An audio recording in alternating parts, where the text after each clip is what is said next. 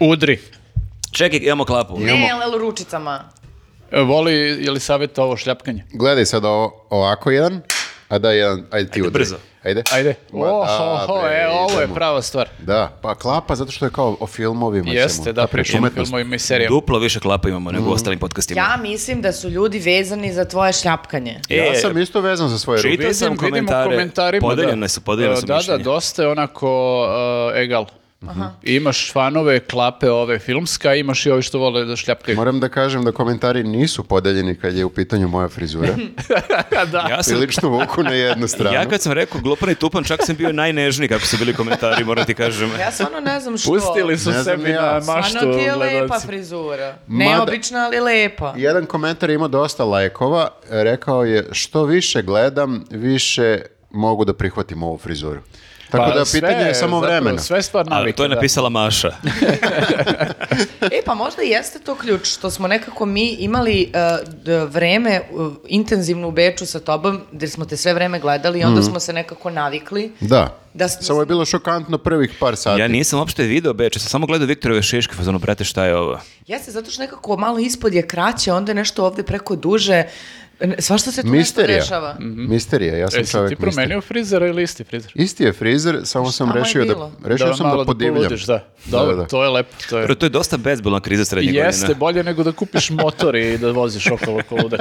Ili da imaš ovako malo est, stradnije lok. E da, šta se tebi desilo? Pa ja sam se isfenirala, nego me malo narihtala jače, pa sam... uh, ali splasnuće. Odvrnula je lokne na deset Od, tako je, tako je, ali splasnuće to taman do kraja popkasta biće. I još imam slušalice da slepim. Da, da, bit će opet minival. Ništa. Ko, ko sluša, molim vas dođite da vidite Ko sluša, i, jako je napet i ovde. vizuelni, vizuelni moment da vidite. Može, može, može, može. E, odakle počinjemo? Pa od, od naših prijatelja. Naših prijatelja počinjemo. Naših drugara. Evo ga sedi ovde. Drugari podcast. Popcast. Desi lave.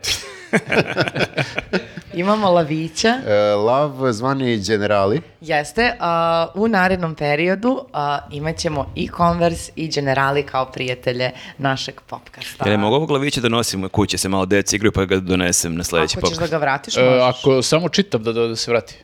E? Možda da dva lavića sledeći put, ono po pola. Šta je važno a, za, a, što je nama a, prijatelj... Što je Lavić ovde? Što je Lavić ovde? E, Da vas podsjeti da ukoliko idete, a sigurna sam da dosta vas ide trenutno i putuje na neka skijališta, pošto ne može baš na more, nije sezona, jel te? Ima, ima i mora sada, samo ti kažem. Pa malo... Samo treba da odeš na drugu stranu zemlje. Mm. Tako funkcioniše. Ne znam, nisam ja to tako smislio. U pitanju je... a, Kako ti skulirala? da, da, u redu je, u redu je. dečko. Dobro to, nego vi koji idete na skijanje, dakle za vas, Jeste. slušajte ovo. Jeste, u pitanju je a, a, putno osiguranje a, i to a, za vas koji idete na skijanje. U slučaju da vam se ne daj Bože nešto desi, a, a, generali će biti tu da vam pomogne. I mogu Znači, da... možete da se osigurate e, konkretno ako idete na skijanje. Jeste, bukvalno treba da na, kad kupuješ uh, to putno osiguranje staviš svrhu turistički sa skijanjem. To mi se sviđa, to turistički sa skijanjem, zvuči mi kao nešto što bi Viktor rekao da nama lju- kažu ljudi na ulici. Znaš, uđeš, kažeš turistički sa skijanjem i to je neka šifra. I Da. jeste, i oni znaju šta treba Oni da urade znaju, on, on da. ti baci pet. Tako je. I boga mi, ne morate da brinete ni da li ste u Srbiji ili negde van, uh, oni mogu da vam pomognu i do sume uh, u iznosu od uh, hi- 15.000 evra. 15.000, a gledajte da se ne polomite za 15.000 evra. Ali ono, Ali, ako se se ne daj Bože možete- nešto desi, da, oni su tu. Možete se lomatate do sutra. Mogu da vam kažem da je to stvarno...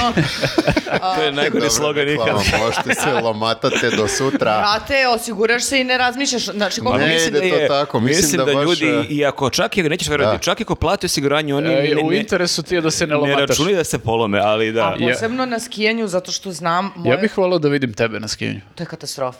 Ja sam probala jednom A jesi i bila osigurana?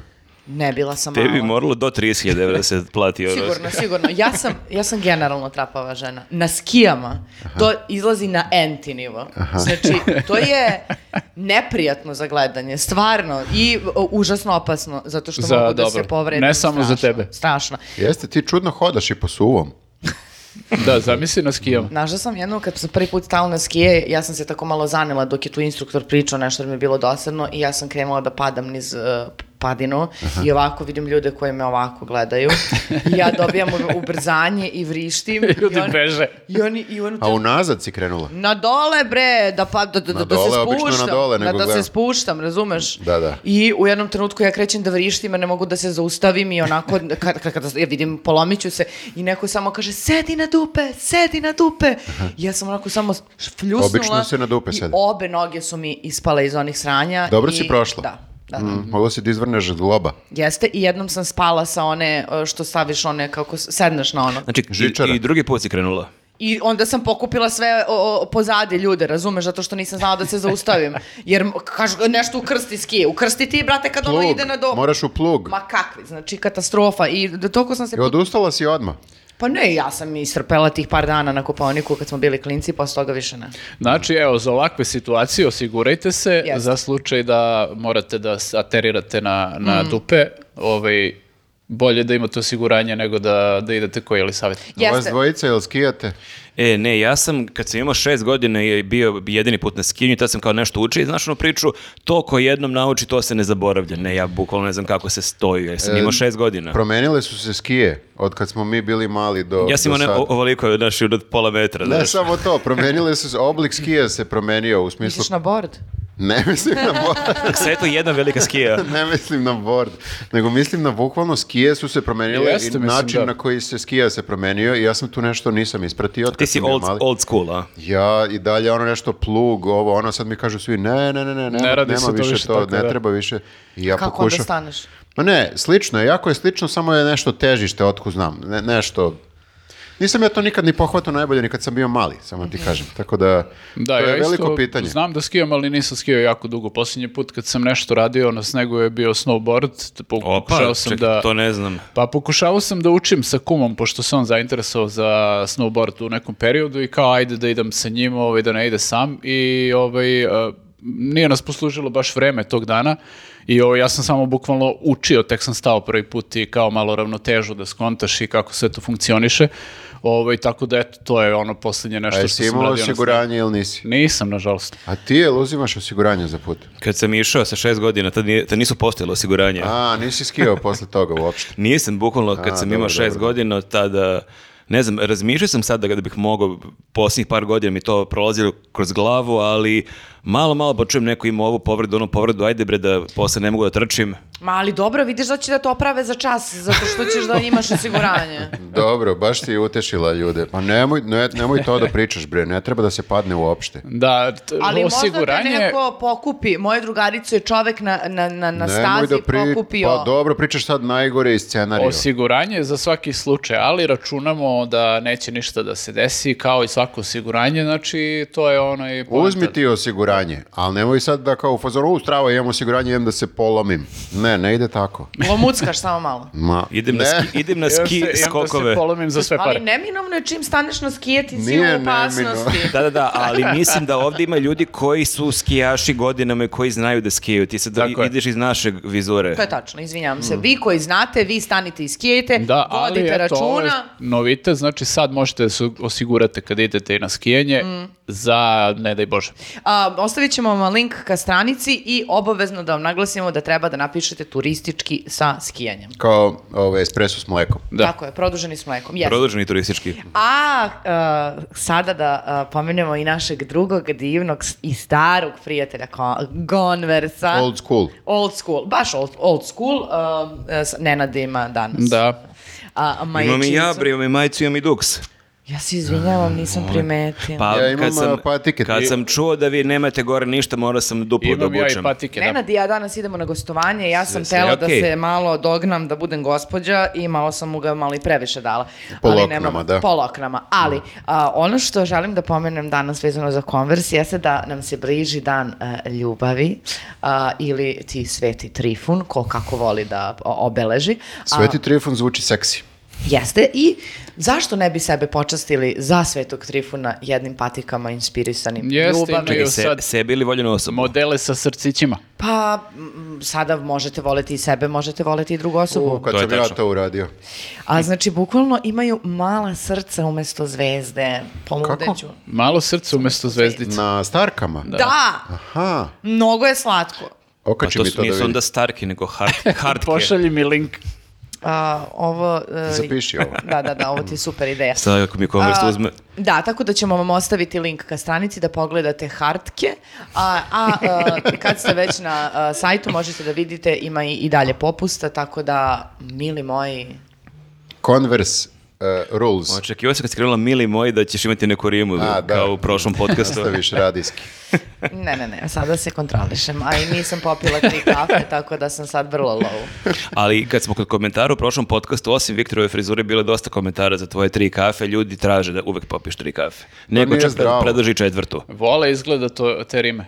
Ne mogu, moram da doziram, jer Viktor je rekao treba dozirati šokove. Ja mislim da moram ja nekako, istrošilo me, brate, ono, sad moram malo da budem prizemnija. Moraš malo da paziš sa, sa kafama. Pre E- neki dan ja bio u omiljenom kafiću tamo na, na Dorčelu i sad tu je neka ekipa koja se okuplja i ovaj jedan kaže koji je stalno tu ovaj, uh, uh, poznanik, kaže ja sam prestao da pijem kafu davno, ali dolazi tu svaki dan. U kafić. I kao ovi ga pitaju, pa kao, pa, nije, kao nije mi prijela, kao, pa koliko si pio, a on ovako razmisli, kaže, pa 10-15 dnevno. Čekaj, ti znaš Balzaka? Pošto je Balzak pio fazom 30 Znači čovjek kafa. ga zaokružuje na pet. 10, ja sam mislio 15. sad će kaže 3-4, znaš Dobro ono. da i dalje živim. Dobro je, stvarno. Da, A što, izbacio je potpuno ili smanjio na Potpuno četiri? je smanjio, ne može više. To je to. E, moram samo kažem, nismo upalili ovaj e, svetleći signal, ja stvarno Ajde. tek sad vidim. Sad je vreme da počnemo. Pali makinu i to, je, to će biti... A nismo ni u znak struju upalili. To će biti znak za, kako se zove, za početak uh, ovog oficijalnog dela. O, pa sad, e, sad Nice. može da se radi konačno. Nice. Ne znam kako, Kako je bljesnulo. Ne znam kako nam je to promaklo, možda... E, Pa nisi popila dovoljno kafe. Dešava da se to. Mm. najbolje, ma ja se izvinjam. Dobro, odakle ćemo da počnemo? Ja pa baš ne znam da ćemo krenemo od serije. Serije. Ajmo Ser- filmovi. Nemoj bre. Što ga, što ga tako ovaj, van strukture svake? Ne razumem. Naviknu ljudi na nešto i ti. Dobro, a zato što vam svima piše serija na početku ili... Svima piše serije, ja sam učio seriju od Tako je, početak. da. Možemo, ajde. Ajde. Jel mogu ja prvi? Pošto e, ja sam pogledao nekoliko serija, međutim, to su sve e, ili e, sranje serije, i to ću da kažem isto da nemojte da gledate, ili e, su serije koje ste vi već preporučivali, pa sam ja išao za preporukama. I sad kažeš ne da ipak su saradnje. Ne, ne, ne, ne. E, za jednu ću reći da je sranje. Nenad je Au. preporučio. Jo, šta se preporučuje? Pa i ti si bio, ona, ajde, počet ću od te. Aha. E, Fool Me Once. A, da, da, da. Fool Me Once i rekao si da u jednom trenutku si u fazonu, brate šta ja ovo gledam, pretvorilo se u sapunicu i si ja sam bio u fazonu isto, jebote, ovo je katastrofa. I već je druga serija od ovog Harlada Coblena, kako se zove čovek, koju ne mogu da završim do kraja. Nisam uspeo ni Stay Close. Previše me nerviralo. Ja, meni samo nije jasno, pošto ja nisam čitao, recimo, knjigu na kojoj je bazirana ova serija, ja nisam siguran da li to on uh, napiše loše ili uprskaju prilikom uh, ovaj, ekranizacije. Ja mislim da je to tako pisano, da je to štancovano i Aha. je, sad pljujem čoveka, a ne znam ga. Znači, Pa baš lepo Pljujem čovjeka koga nisam nikad čitao. To je najbolji A koncept. nisam ni čitao, Nisam ali čitao, nisam ni čini, gledao. čini mi se da štancuje, znaš. Ima da dosta okej, knjiga, da. kao, ima ljudi koji vole ove sapunica trilere, jer svi, i onaj prethodni je se pretvorio u neku sapunica triler, i ovaj sad je isto sapunica, a sve je, znaš šta, šta me nervira? Sve je lepo. Svi su lepi, Mhm. sve je lepo, sve je super snimljeno, uh, perfe- kao sapunica. I mene to nervira užasno. Znaš, sve je, aj, kao, dobro. To je ne preporuka, znači nemojte da gledate. Za, zajebi, svi Osim gled- ako volite da gledate lepe ljude. da, i ako volite sapunice, onda je strava. E, dalje, Dave, ti si preporučio, super je serija. Dave, o, ovom To je reperu. reper oni beše. da, da. Reperu, baš je dobra. Baš je e, taman ona, s- nije, nije satira, nego ta- neka parodija ili zeza se na račun tog hip-hop sveta. Dalje. E, Bear, Čekaj, ti sad čitaš telefonski imenik.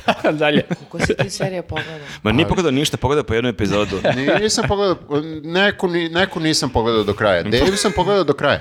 E, Bear sam počeo da gledam sa Mašom, fantastično. Odlično. Odlično. A čekaj, ne Bear, bre, ja sam gledala Beef, vini, ne znam, nisam. Ja ne Ti znam, gledao je sam, ali je pričao, da. meni trebalo 6-7 epizoda da krenem da me radi. mene je odmah počelo I onda da mi posljednja epizoda bila super i onda sam krenuo da gledam drugu sezonu i nakon prve, druge sam batalio. A, dobro, ne, nisam nešto pogledao- nisam na tim ne, ne, frekvencijama. Nisam još ni celu prvu završio, ali super je, nastavljamo da gledamo strava. Stay tuned. Stay tuned. Neko je preporučio od gledalaca da pogledamo One Piece, ne znam da li ste vidjeli. Par puta je neko. Ti si E, gledao? pominjali sam, nisam gledao, nisam gledao još uvek, nažalost. Nije za mene, moram da kažem. Znači, što bi rekao Grafa, to je za decu. Aha. Grafa to kaže inače za sve filmove i serije. Čekaj, a šta je One Piece? Nisam za to One ni čuo. Piece je e, neka, ja mislim da je neka manga koja je ekranizovana. E, to- ili je to je za decu anime, onda. ili je anime, ili je da. ma- Pa manga. da, da. Ne znam što da li je strip ili nebitno. Uglavnom, I sad ti se isključuje od si principa. ne, i treba da se, za decu je, ali nije Harry Potter, znači nije... Da ne, slušam te, slušam te. E, vrlo je onako na, na sve strane i vrlo je sve stilizovano u tom nekom manga fazonu, što je okej, ali mi se čini da je priča okej, ne znam, ja, sve je neka fantazija. Gu, gusari su u pitanju, ali gusari u nekom paralelnom univerzu. A čekaj, samo moram te pitam, izvini, sad skrećem s teme. Ti se posljednjih 8-9 popkasta žališ da ništa ne stižeš i ništa nisi pogledao i sad nabrajaš 9 serija koje si pogledao. Nisam do kraja pogledao, znači ovo sam krenuo da gledam, vidio sam da nije za mene. Pogledao Popio sam- si tri kafe te, te večeri i onda si bio budan do je 7 krenuo i ujutru. da. Stvarno nisam stigla da pogledam toliko serija. Nisam ni ja pogledao celu seriju. On blefira, on je čitao komentare. nije- Nisam ni započela toliko serija. Ja sam započeo mnogo više, ali ja odmah vidim kad je nešto sranje. A da, ti imaš taj. Pazi, ja moram da kažem, ovaj, a, ako se, da, mislim, ok, ja imam malo više vremena od Viktora, ali stvarno ja sam recimo ovaj, potpuno nepotrebno a, sad ovaj, a, između dva popkasta izbinđovao ponovo Silicon Valley ceo. E da, vidio sam da se to napisao. Da, i uh, ovaj, ja sam za to vreme bukvalno mogao da, pre- da pogledam, ne znam, sigurno 3-4 neke serije, makar ovo po nekoliko Makar da epizoda, počneš, da, da pa vidim šta da je. Tako da moguće, je, realno, samo ovaj, da, on ima malo problem što, što mora oko bebe Što ima to da se- dete. Da. Meni ide to u talasima, znači... Najbolji problem na svetu. Da. Me- e, meni u jednom periodu kao samo serije. I kao filmove sam, natežem se da pogledam da bi Mhm. imala za popkast, na primjer. A onda se desi kao sada da imam gomilu filmova, a serije nešto što sam A zato si u htjela da pričamo o filmovima prvo, da, Da. se tu, da tu izdominiraš. Ne da izdominiram, nego da E, imam vidiš nešto kako sam ja izdominirao sada. A nisam pogledao ni jednu novu. koji si dominatrix. Znaš, kao, samo sam i ono, isfejkovao da sam izdominirao, a ništa novo nisam. Samo sam potvrdio da su ove vaše okej, neke nisu. Dobro, i to je nešto. I samo sam ljude isto nekako upozorio na ove što ne Si valje. kao neki kontrolor kvaliteta, ti kontrolišeš šta smo mi pričali da vidiš da li smo se izlupetali ili stojiš iza toga. Da, da, da. Pa ne, bilo mi nekako kao, stvarno mi je super zanimljivo kad vi pričate i kao hoću da pogledam i nikako ne stignem, a o- malo, malo imam impresiju sad da pogledam nešto o čemu nismo. I onda sam rekao, e, znaš šta, zajebi me toga, ja ću gledam šta su ovi ljudi preporučili. A, a hoćeš da pogledaš nekad uh, Beef? Hoću, hoću, To je- hoću. to je dobra pogledat serija, da. Pogledat ću, I pogledat ću. dobila je sad nagrade, mislim da je da Golden Globe dobila. Da je, moram priznati da ja to nisam pogledao do kraja, ja sam stao na trećoj epizodi i onda ste vi o tome pričali i to što smo pričali više puta, onda kao ajmo da, ajde da gledam nešto drugo, Da, jer da. neću Da, o da, da. ovome pričati I i, shvatim da završio, sam da. uskraćen jer vidim po svim komentarima da je serija sjajna. Jesu, meni, dobro. meni nagrade ništa ne znače, meni znači ako vi preporučite, samo da se razumem. Ali ne ovaj čovjek jer je preporučio sranje seriju. Ne, i on je sam rekao, Ja sam imao rezerve, da, nije, odgovornost. da, I nije ja ni sam, mene ta serija koliki je hype napravljen i koliko su ljudi kao odlepili i E, apsolutno ali ja sam mi gledao, ne nema, ne, prati- nema na neke ocene, nije, nije da ima neke Nema devetke. neke ocene, da, ali ja sam ovako bar po internetu viđao baš da se hajpuje dosta i da mediji pišu o njoj kao, ne znam, fenomenalnoj seriji, ali da, zapravo mi Ma je to je dosta zbog daleko od ovog toga. bre pisca, ovog Da. Harmana Kadrona, kad- kako se zove. Nije. Ha- Harlan Coben. Harlan Coben. Da. Cool, To dobro. je zbog njega i on je re- provalio je nešto, ali moram da kažem, serija je napravljena tako da te vuče da gledaš sledeću epizodu. Jeste, su ga jeste, odradili, i- imaju, da, te ali stvari. je priča bullshit totalni. Ima, ima baš ozbiljnih rupa u samoj radnji, Mm. kao čak i ti ko- koji si like, kao vidiš, e, pa čekaj malo ovo, ovo ste mi malo izušljarili od... Tako da, da. Eto, eto. Dobro, ovaj, da pričam ja. E, idemo. Uh, ovaj, ja sam gledao dve neke serije s tim što ovu jednu sam stigao do polovine i to ću da pričam sledeći put. Ovaj, sad malo samo tizujem The Curse se zove serija. Na Sky Showtime-u ide jedna sezona je izašla do sad nekih 10 epizoda. Ovaj, za sad još uvek ne znam šta da mislim o seriji. Čudna je jako, zato što je radio Nathan Fielder kojeg smo pominjali ovde ovaj, još ranije. Jel ima nešto normalno što taj radi čovjek- oni re- rehearsal. Rehearsal je radio, da. to smo pominjali, tako da ajde da odgledam celu sezonu pa da mogu ono da kažem kao realno kako mi to izgleda. Ovaj, uh, e, druga serija koju sam gledao je zapravo neka mini serija britanska, ja mislim da je BBC snimao i ja to nisam gledao ranije, ona je izašla mislim 2020. nekako mi je promakla, zove se uh, Quiz. I to je uh, zapravo serija koja kroz te tri epizode priča priču o milioneru, kao najpoznatijem kvizu ono svih vremena. Kako je nastao milioner, imaš taj jedan deo na početku kako je nastao milioner i kako su oni skontali da to ima potencijala, iako u početku kao ti kad pogledaš milioner, realno deluje kao dosadan kviz, kao ne, ništa tu posebno nema, imaš jednu igru i taj jedan princip i kao ovaj, lepo je objašnjeno gde su oni tu videli zapravo šta je vrednost tog kviza i šta će da vuče ljude da gledaju evo već ono kao koliko decenija taj A kviz. š- šta, ovo što se napravi neprijatna tišina kada ovaj smišlja odgovor? Jel to? E, da. Imate vremena koliko god hoćete. I između ostalog i to kao To da zvuči stvarno su- u teoriji kao debakal, ili kao ti ćeš stvarno da ćutiš 4-5 minuta. Nije baš televizično. E, da, s tim što su oni ukačili prosto da postoji e, tu jedan ceo dramski moment takmičara koji se muči pred tvojim očima i kao pokušava da dođe do odgovora ako ne zna, pa kako će da eliminiše da, i da. sve ostalo i tu A tu zapravo... mu je u publici i žena, što je još gore.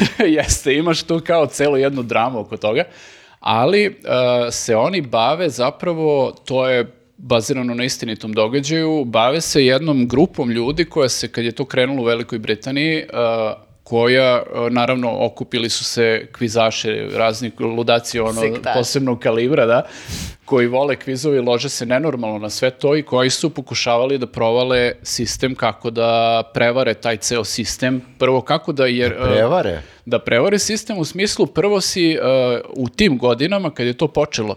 A izvini, koje su godine u pitanju? uh, ja sad ne znam, tipa 90. recimo. Aha, okej. Uh, bilo je jako teško doći u kviz uopšte. Znači, nije to bilo lagano da, da dođeš na onu vruću stolicu prvo ovaj, da se takmičiš. Koliko nas u slagalicu, gde samo nas četvoro nismo bili. Da, da, bukvalno, da. Ovaj, bilo je jako teško da, da dođeš uopšte, uh, da dobiješ šansu da se takmičiš da, da uđeš u kviz.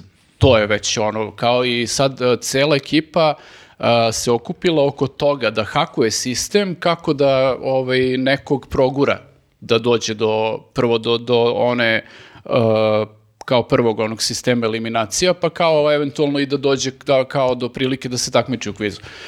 Ove, I naravno, mislim, to su potpuno nenormalne priče, koji, eh, jer to su ljudi koji su svi jako inteligentni, jako su pametni, znaju svašta i eh, ti kad gledaš, znači, oko čega su se oni okupili kao da hakuju sistem jednog kviza i koji je to, eh, koji su oni mrežu ljudi praktično napravili koja je radila na tome i kao, ovaj, baš je onako fascinantna cela priča. A čekaj, reci mi, izvini, molim te, e, ne znam koliko ih ima u toj grupi, ali šta, šta se desi ako jedan uspe da se probije? Jel se dele pare na sve ili... Sve su dogovorili, kao imaš sistem kao koji je procenat e, neki koji će da pripadne ovaj, ako je neko proguran kao A da kako ja mogu tebe da proguram? situaciju Ko- da se mislim- takmiči. Pa imali su foru zato što si tada imao samo fiksne telefone praktično, imali su foru gde kao zatrpaju uh, call center Mhm. pozivima i znači tu su povećavali kao mogućnost uh, tako što ih je mnogo njih ili zvalo ili mislim ima gomila nekih fora. A čekaj, svako zove u svoje da ime ili svi zovemo za tebe, recimo? Uh, svi zovu recimo ovaj, za određenu osobu. Aha.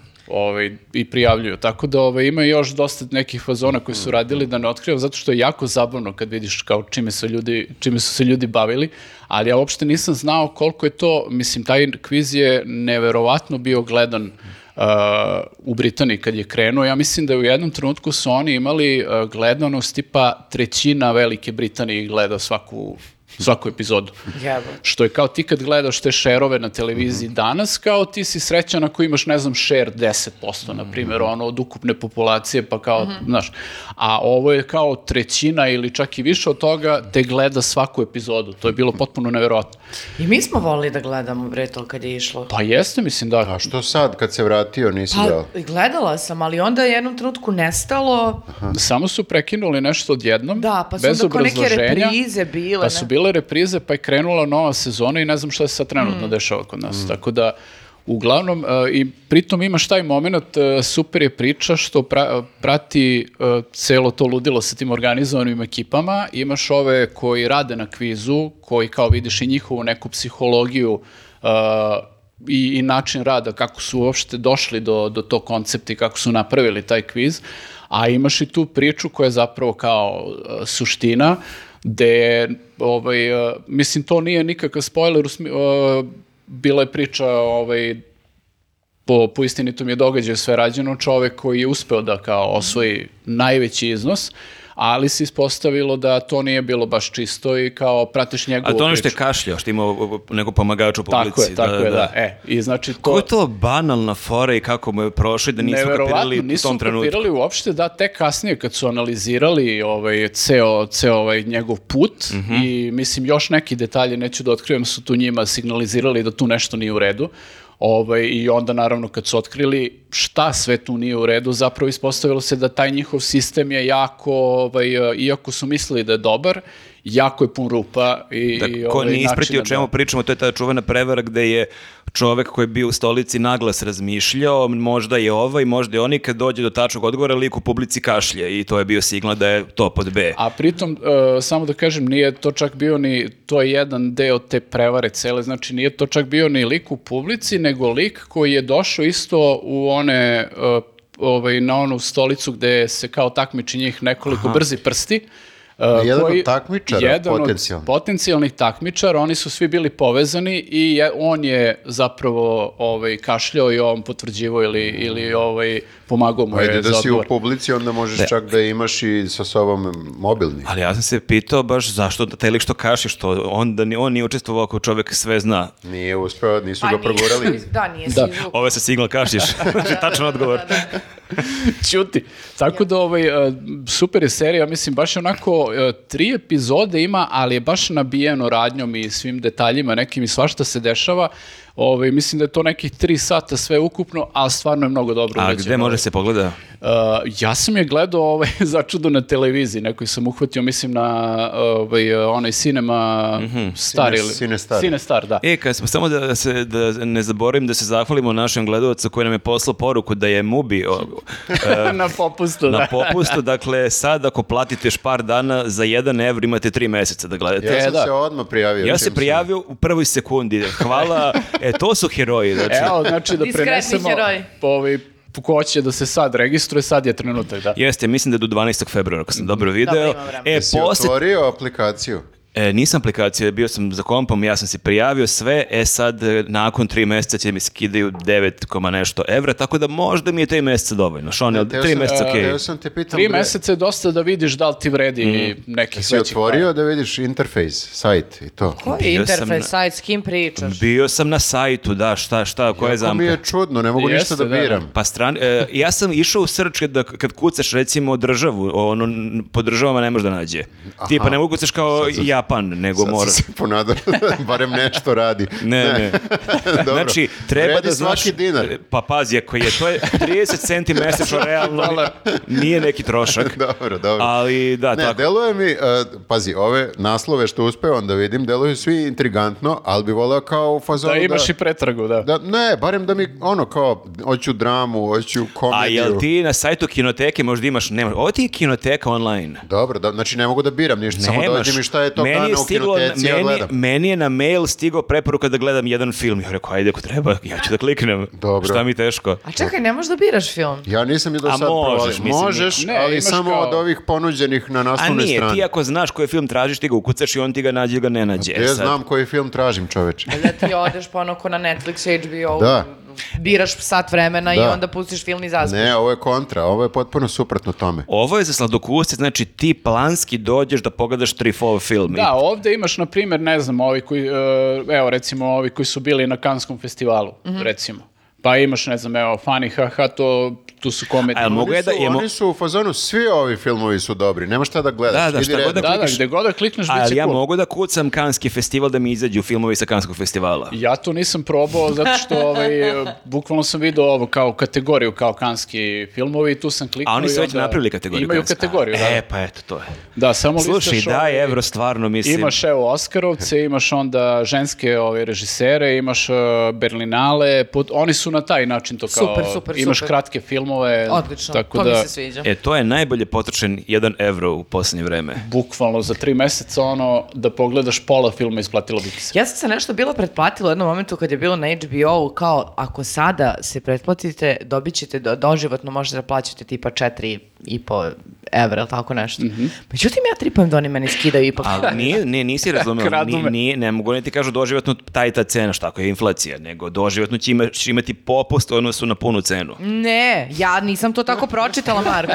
Pa ne, ja sam ti kažem da si pogrešno pročitala. Ako sada uplatiš, bit će ti zauvek 5 evra. I ja sam I- rekla, evo ruke. I šta, krene apokalipsa, krene ne. inflacija, ti dalje plaćaš 5 evra. O- o- oni su rekli samo sada, ali 5 evra. Ja sam rekla, da, ok, pa evo ne, ruka, majstore, Da, ja može. se ne sjećam iskreno za, za HBO za tu akciju, ali uh, Sky Showtime ima to kao uh, kako se sad registruješ, uh, do lifetime ti je 50% od onoga što inače košta.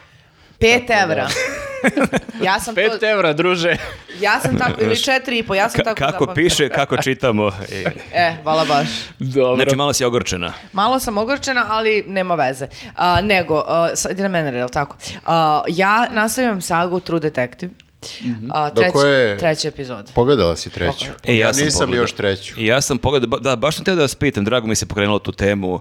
Kako ti se čini? Zastrašujuće. Ali malo mi je treća epizoda banalna, moram priznati. Banalna? Malo je banalna, da. Tako nekako ga... O ne. Malo ti je full me once. Malo mi je kao, pa mogli ste malo to da lepše zakukuljite. Aha, dobro. No, A već ja- si provalila koju ali ja, Ne. ba- ali ja imam obrnuti problem. Meni jako lepo drži pažnju, super mi atmosfera, ali deluje mi da to ne može da se normalno završi, da će to da zaseru na kraju. Da će Pa biti baš mogu da dosije stignem- X. Ne, ne mogu ni da stignem do to. Mislim, A, ideš da ti će da biti tu... nešto nadprirodno. Pa deluje mi Pa da... ima nadprirodno Deluje mi da će biti baš prevelika katarza neka naprirodna, da će da me to Čekaj, razočara. izvini, nije bilo nadprirodno u, u prvoj i u trećoj. Kako nije u prvoj pa tako. Ne, u prvoj oni tripuju. Znači ništa se nadprirodno nije desilo. A, Ono je dobro. ubica pa ubica. I ove tripuju. A, miš da tripuju? Meni je ovo možda podsjeća na X-Files, što mi je s jedne strane lepo sam volao tu seriju, ali opet od ove serije očekujem da bude racionalan kraj, a deluje mi da neće biti racionalan kraj. Ajde da vidimo. Pa ja sam, ja isto očekujem da bude racionalno. Ne želim da bude vanzemaljci. Ne, ne, ne bi ni ja. Mislim, pazi, sigurno ću ja to da gledam i definitivno da me radi u smislu sekiracije i svega i napetosti i to, mokre ruke i, i držim ono pažnju sat vremena. Međutim, te neke sitnice u, u, u, u, ono, u dijalazima, u odnosima likova, u fazonu sam. Aha, dobro. Vidi Malo, u zanimljivo. trećoj epizodi mi je malo bilo onako. Je ali me- nisam jedina. pogledati. Čekaj sad, ne- ali ja sad ne sjećam se po čemu je treća slabija od prve druge, neko meni su to onako, isto mi je manje više od početka. Pa, n- o- odnos između Jodie Foster i o- ove detek- Policajke, da. policajke u nekim situacijama i ti, ti neke njihove dijaloške scene, bilo sam pozorno, nisam impresionirana. I nisam jedina, mislim, stvarno, mislim da su i drugi ljudi s kojima sam gledala bili u fazonu. Aha, Ovo dobro. sad provlačenje nekog feminizma u nekim, kao sada, a, načinima kako oni dolaze e, do spajanja dve činjenice, pa kao imaju neki novi clue i tako dalje. Mislim, kao- U, ne bih voleo da bude feminizam. Ja, ako nešto ne volim u serijama, to je feminizam. Ja sam provalio koliko sam se odvikao od gledanja jednom nedeljno. Ja, ja kad počne nove epizode, meni treba 6-7 minuta da se setim kako se završila prethodna. Ja Baš sam, na problem. primjer, prvu pogledala dva puta, pa sam odmah nastavila drugu. Da, To je super. Ali sad ne mogu prvu, drugu i treću, pa onda prvu, drugu, treću i četvrtu. Skrenuću, mislim, znači prvu napamet. Naučit ćeš prvo to nije napamet. dobar sistem. Da, da, da, nije, nije, nije, dobar nije. sistem, moglo bi drugačije da, da, da to... Mogla bi samo da gledaš normalno, sačekaš, prisjetiš se malo, aha, da, ovo... Ili možda da pogledaš posljednjih 7-8 minuta puta posljednje epizode da se malo setiš. možda ima, ne znam, na YouTube-u i ranije je imalo, a ranije si imao za, za epizode da pogledaš recap. Ono, Pa dobro, to ja ću. za serije, tako da... Baš za, ne za sezonu, nego baš za epizodu. Da, da, da. Mhm. Ima i toga, ima i na primjer, uh, sećam se taj uh, uh, portal se zvao tipa Vet Pens ili tako nešto, Mhm. gde su prognozirali šta se dešava u epizodi Game of Thrones. I onda ja kad više ne mogu da izdržim, nego ću da skrenem. Gledaš prognoze. Gledam prognoze, razumeš, čitam koji... Ali i to kao su lupetanja, mislim, nije to... Nema veze, mene to umiri. Ja nekako zamislim A sve za, to. za Game of Thrones su često prognoze bile bolje od onoga što se stvarno desi. Moguće, moguće. Nekad da. Ali to kapiram, mislim, nisam gledao Game of Thrones o- osim prve sezone, ali kapiram da ti ne možeš da ne ubodeš ako nas hiljadu prognoziramo, Da, neko, neko će će pogoditi. da ubode, pa da. neko će da Pa da, i zato pročitaš više teorije i onda prihvatiš Da, dobro, pa ono je- koje ti najviše prija da te umiri u tom trenutku. Jer sećam se kad su izboli Johna Snowa, ja sam mislila da ću... Spoiler. Ja ću, da sam mislila da ću da skrenem. Znači, ja nisam mogla da verujem šta se desilo i, to, i kraj sezone. Mm. I gde ćeš da živiš, brate, ono dve godine bez informacije. Ima li života uopšte Na posle Redditu toga? to često ljudi Mm. baš se duboko A čekaj, kako bave možeš tako emotivno da se saživiš sa Mnogo likom? sam, za- ja sam Pa dugo Snowa traje obožavala. serija i Okej, onda bre, se ali- uneseš. Lord Commander, please, znači on je, on je bio kao glavni frajer u, u seriji, šta Ma pričate. ja sve to razumem, ali to je dalje serija. Pa znam, ali vezala sam se za Ali čoveka. lep, lep je bio jako. Mnogo je lep. Mnogo lep. bio. Mnogo je, I uvek je tako nekako namrgođen i tako uvek ta moralan. Misteriozan je jako. Misteriozan I, je i seksi ono, je. bukvalno autodestruktivan od svoje moralnosti. Ma ja sve to shvatam, ali dalje pričamo o liku i serije. Pa A, jeste. a nismo ti još rekli da on ima i u sebi e, plemićku krv. E, onda jeste malo beda koga... E, on- onda razumemo. A da je neki moment- običan lik iz naroda koga briga, ali ako je plemić... I ta scena u pećini sa crvenokosom, di, divljankom. Znači, To, ta, to Počet će se, da gleda ponovo Game of Thrones. ta priča se tužno završila. jeste. Pa A zar kad se smuvao ceo- sa Daenerys, ja sam bila, ko da sam se ja smuvala s njim. Ja sam toliko bila srećna.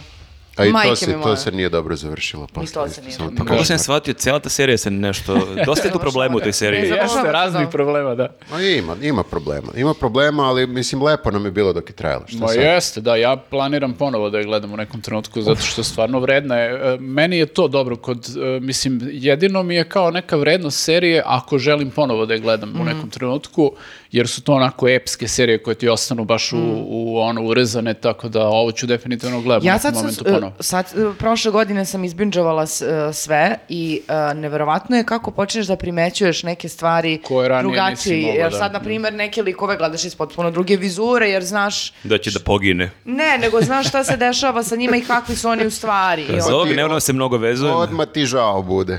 Ko ja. Ovaj će da umre. Tako je bio srećen u ovoj epizodi, a tri epizode kasnije. katastrofa, katastrofa. Ja ću isto da pogledam, ali ako budu izmislili ono da, ovo, znaš ovo što Elon Musk sada nešto gura, ovaj Neuralink, Šta gura? Da ti mogu da ti prikopčaju kompjuter na mozak. Da, ugradili su prvi čip čovjeku Čula sam u to. a- mozak. Samo te pitam, Da. a što bi da se kopčaš uh, sa... A, pa brže ću da pogledam, jer odmah ti čim Ako ti imaš takve prikopčaju- šiške, onda se lakše ukopčaš. Ti ćeš sebe u grobu oterati. Šta? Ne čeprkaj bre ništa, Čekaj, gledaj normalno. Te, tebe ukopči i ti šta možda menjaš seriju. Kao u Matrixu. Kao u Matrixu. Pa, I Matrix nije loše, Pazi. nije dobro završen. A, Viktor nabaci ovu frizuru posle par dana ugradili čoveku čip u mozak. Sumnjiv si.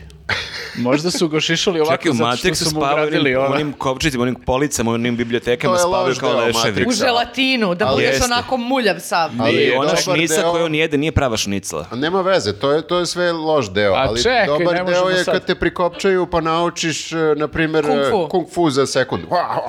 To je dobro, da. E, Samo što bi ti polomio nogu. Ja bih voljela da vidim Viktora koji igra... Znači, ako vi tog Okej. čovjeka pazite se nauči kung fu juče. Samo se sklonite na drugu stranu ulice. Ne, to je dobar deo, to je dobar deo, a loš je ovo što spavaš u onom želatinu. E, Jeste, Dve škole je mišljenja. Bljuto. A, da li može da mi. Teodora baci jednu crvenu olovku? Samo da... E. Hvala. Interception. Bilo je silazno. Jeste. Okej. Eto Dobro. da, ja sam gledala to, Uh, nije za bacanje, z- uh, malo sam se više posvetila uh, uh, serijama, ovim filmovima, ali pratim, pratim True Detective i to mi je sad A obsesija. jel znamo koliko je epizode? Jel osam ili je šest ili deset? Osam, osam. Lupio si. Aha, kako znaš? kako znaš, Ivo? Da, da, osam. Onda možemo da u svakom našem popkastu uh, komentarišemo kako nam se čini. Pa, apsolutno, mi smo to najavili od prve. Ok, ja sad nisam stigao da pogledam. Morat ću ja da krenem da gledam onda. Nisi počeo? Nisam počeo. Ja sam sve u fazonu da to malo pustim da se nakupi. Pa evo sada, e, kada ovo snijemo ima tri, ali bit će, evo sutra izlazi Da, četvrta, da. Dobro, tako to je već da nešto, već, da. već Mo- može, da, se izgura. malo binđuje. Kako sutra, Maki? Izlazi Dobro. ponedeljak. Kod nas. Da, dobro, nije sutra. Izvinjavam se. Ne, neko si me zbunio, da li sam... Koji si ti Da sad nastavimo i najgori dijalog. Znaš, kako, ako je loš dijalog bio u True Detective, ovo je još gori. Uh, ja sam pogledao jednu seriju iz 2020. godine, kasnim, i, ali kasnim sa jakim razlogom. A taj razlog je taj što sam odbio da pogledam tu seriju. A koja, molim te, reci mi, sad sam baš, Se- baš serija je- napravio uvod, ovo je jeste, neverovatno. Pa dramatično, imao sam ja neke moralne dileme, da li da gledam, da li da ne gledam. Uh, serija je High Fidelity. Što moralne dileme? Pa ovako, e, High Fidelity je knjiga koju sam obožavao kad sam bio u ranim 20-im, ja sam nju pročitao kad je izašla, možda je to, tad sam imao 20 godina, ja sam nju do neke 25. godine pročitao jedno četiri puta i obožavao sam Nika Hornbija i tu knjigu i tad sam pogledao taj film koji je tad bio aktuelan sa Johnom Cusackom Si i imao trip isto kao u fazonu, jebote, valjda su napravili dobar film od ove knjige. Valjda je, nisu zasnali. imao sam veliki strah, baš sam imao veliki strah i kad sam pogledao, baš sam se opustio To je jer... još i Jack Black glumeo. Jeste. Jeste. Jeste. Sladak, baš sam se upustio. Kad Pa nije, znaš kad nešto obožavaš, tad i čuješ izlazi film, to jest on je valjda iz- izašao, ali nisam mogao ga nabavim. Prilike, bukvalno kad sam završio knjigu, već sam znao da ima film i kao, jao, da, da, da li smem ovo da pogledam? A Prvo sam se bio malo razočarao kad sam čuo da je John Cusack nekako mi je, on mi je suviše nekako cool lik. Ja sam nekako ovog glavnog eh, lika zamišljao kao malo većeg luzera, onako i fizički da aha, bude aha, veći luzer. Ali pogledao sam film i film je stvarno bio sjajan i zaista mislim da je to većina ljudi koji su fanovi knjige su fanovi filma i obrnuto. Tako da je to onako bila jedna lepo zaokružena cijelina, jedan deo moje rane mladosti i to sam negde stavio u fioku i to nisam ni čitao ni gledao jako dugo i onda vidim vest i izlazi serija High Fidelity. A- ali I ja rekao, super, hoće sad vidim seriju, Zoe Krevic, je kao čekaj Zoe Krevic, to, to je žensko.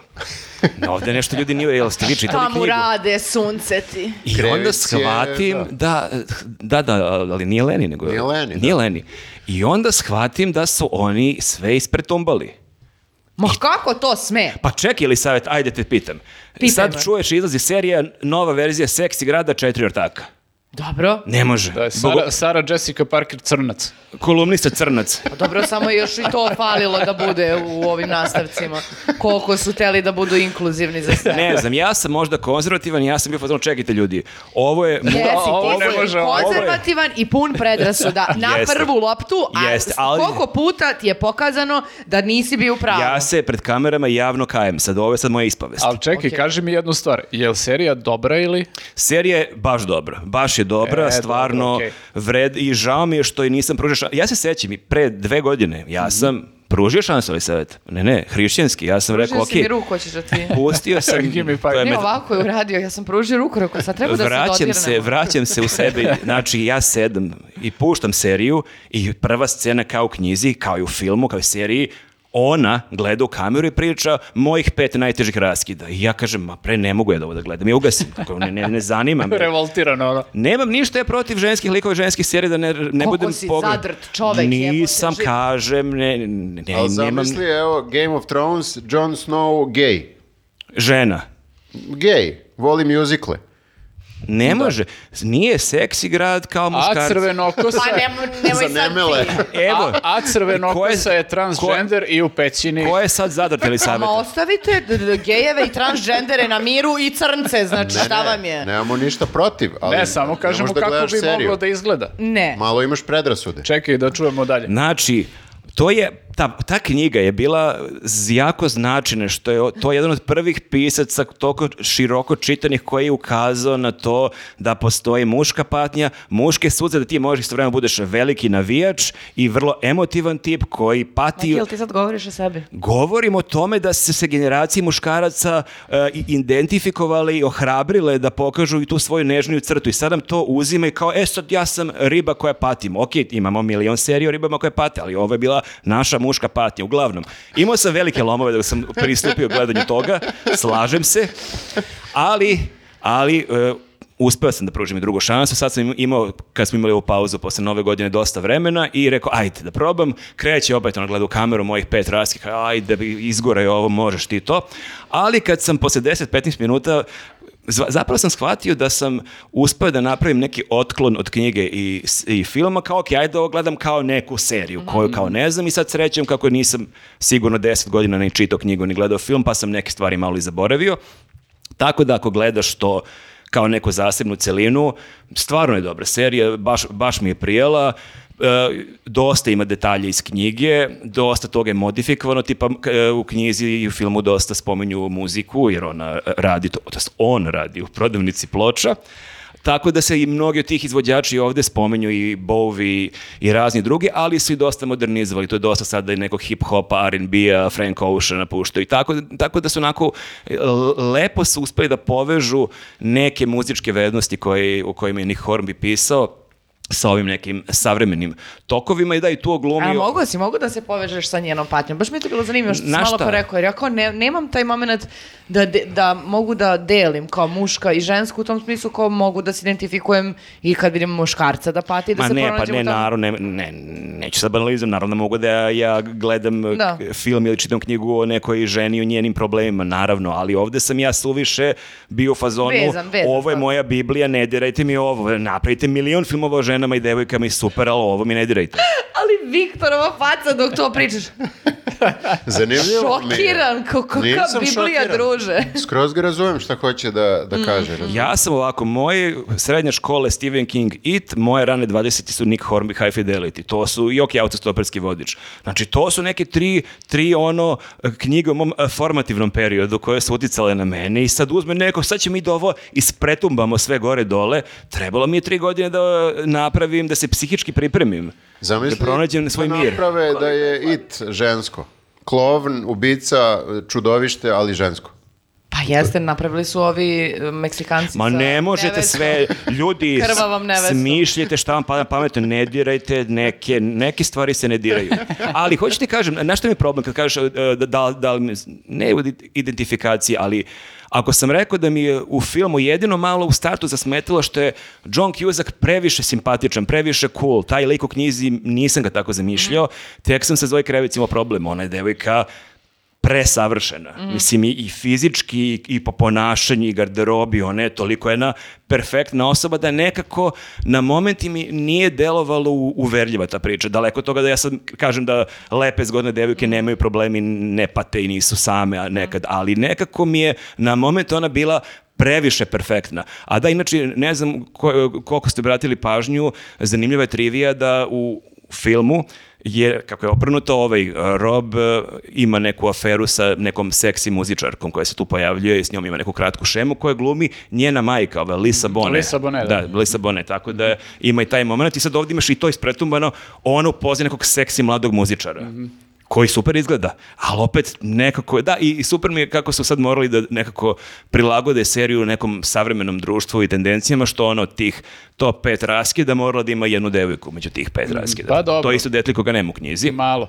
Jeste, ali u svakom slučaju uh, stvarno je dobra serija, da i moram da pohvalim ovu sada vrlo aktualnu glumicu Divine Joy Randolph koja je glumila u, ovom, u filmu uh, The Holdovers gde je na- dobila i Zlatnog globusa, valjda i nominovana je za Oscara. Ona glumi onog lika koga Jack Black glumi u filmu i potpuno je savršena i nevjerojatno mi je koliko su te dve njene uloge u ovom filmu koji je sad aktualan i u toj seriji koliko su nebo i zemlja. Ona je baš nekako ženska verzija njega i vrlo je Dobro, zabavno. da, meni, meni to sad zvuči zanimljivo, baš ću pogledam ovaj, zato što kao gledao sam film i znam kako izgleda film, ovo je baš onako drugačija perspektiva. Dosta Drugačija perspektiva, ali suštinski to je to. Mislim, malo je šire, malo priče, jer to ipak ima, mislim, osam epizoda, ako se ne vrlo čak možda deset, tako da ima tu više detalja, ali ti neki ključni momenti iz knjige filma su ovde prisutni, samo što su još malo nadograđeni još nekim situacijama, tako da stvarno, evo, Cool, dobro ja zvuči. verujem sad, ne treba da ohrabrim ljude da ovo gledaju, jer verujem da je ovo samo neko moje ludilo, što sam toliko imao problem da se upustim u ovu seriju. Nije, imaju to ljudi, znaš ono što kad je izašla mala sirena crnkinja, da su poludili ovi u Americi. Ne može, zna se da su sirene belkinje. Mislim, glupo, znaš. Kao, Kao, otkud? glupost. Kao, da, čak kao i ovaj deo koji je riba i on je belkinja. zna se kao od davnina. Cijela Znaš šta? sirena je belkinja. Sad kad analiziram, mislim, sad nisam dugo gledao film, e, deluje mi da je manje više isti je lik. Ni- Nisu oni sad previše sad neku njegovu mušku patnju prebacili u lik žene. Neko su napravili njega, Pa dobro, ali njega kao ženu. Plus se dešava u, u današnje vreme. U Mislim, Njujorku se normalno da- dešava, to nije, mislim da, da je film je u Londonu, da kao je knjiga, sad sam zaboravio gde se dešava. što- što je John Cusack i Jack Black, pa oni E, onda možda se de film, Ne, ja zaboravio da sam gde se dešava. u... U Njujorku, bre. U Njujorku, ok, Da, onda sam, da. knjiga je definitivno u engleskoj, ali... Da, knjiga je u engleskoj, da. ali svakako dobra je stvar, dobra je serija i negde mi je krivo što sam čekao tri godine, ali možda nisam bio spreman. Znaš, nekad Nisi nisi, spreman. spreman. Ne, ja ne, sam ne. tri godine polako radio na sebi, na tome da budem tolerantni, bolji E, čovjek. patnja je patnja. Moraš sačekaš patnja, malo. A on još nekoliko puta da svako dokaže i malo će se i on korak po korak izmeniti, razumeš? I bit će malo Ma fleksibilniji. ja sam super, samo postoje neke stvari koje me ne diraju. Zadrci. Zadrci za neke stvari. Ali vidiš kako popusti. Uhvatiš se svog uh, uh, mišljenja i nećeš da ga menjaš. Vidiš, Ne, pa pred, pred tri ga, kamere, pred tri kamere menja mišljenje, javno, pred svim ovim divnim ljudima. Posle tri godine. Dobro, tri godine. Ali je nego nikad. promenio, da. Dobro, dobro, to je tačno, to je tačno. Dobro. Ajmo dalje. Idemo na filmove. Filmovi, ja. Viktor je stigla do neki film, hoćeš krenemo od tebe. Može. Gledao sam, uh, gledao sam uh, Equalizer 3 je izašao sa Denzelom Washingtonom. To, to ti je kao, slušaj me bre, šta se odmah Izvini, zevnula isključuješ? sam, zevnula sam samo. To, To ti nije kao- baš neko ohrabrenje kad kreneš da pričaš, ovaj lik preko puta kao da, da, super ti je priča. Equalizer 3, ja sam u fazonu, i kad izašao prvi, mislim. A, 2019. mislim. Kakav komentar, ono, Pa čekaj, svi ste čuli za jesmo, da. Equalizer. Čuo sam, nisam gledao, čuo kad je sam. izašao prvi, bret? Ne, to ti je isto kao John Wick. Dobro. Ako si gledala Johna Wicka. Ne, nije gledala. Nijedan nisi gledala. Ne, ali znamo o čemu se radi, ubijemo Kera i on onda ide da se sveti. Da, do- onda- dobro si prepričala ce, celu franšizu. To je on. Da. to je to, da. Pa jeste, s tim što John Wick odlazi u neke, kako bih rekao, nerealne i malo stilizovana ubistva i tako te neke, ono, uh, Stilizovan- mi- mistične... Stilizovano ubistvo zvuči dobro. A kapiraš šta ću joj kažem, sve je to tako... Sve znaš, izgleda do jaja, da. Misteriozno i sve kao postoji paralelni univerzum ubica i bla bla bla. Naučna fantastika je malo. A ovaj nije, ovaj je realan. Ovdje ti je Denzel Washington, Denzel. Denzel Washington, izvini, molim te. Upravo si, dobro si izgovorila. A i zabavno je kad se kaže Denzel. Denzel Washington. Čekaj, stvarno je Denzel. Da, da, na, na američkom je Denzel. Ok. Denzel. De- Ćeš do kraja. Prekinut ću, prekinut ću. on ti je penzionisani neki marinac, ne znam nija šta je, CIA je. Pričaš o prvom delu ili trećem delu? Sve zajedno. E, da, treći deo, evo, zaokružit ću i sa tim, ali ona nije gledala ni jedan, moram da... Nisam nije okej. A, a znaš o čemu se radi? E, o Denzelu Washingtonu. Koji se bori protiv zlih ljudi Ne mogu i da sve ih pobedi. Ali, ali na koji način? Ajde, šta, ispričaj mi sad. Pištoljima. A ne, to je Niko 4. Ali slušajte me, znači ovdje je napravljeno tako da on je e, penzionisan, međutim ne može da istrpi nepravdu.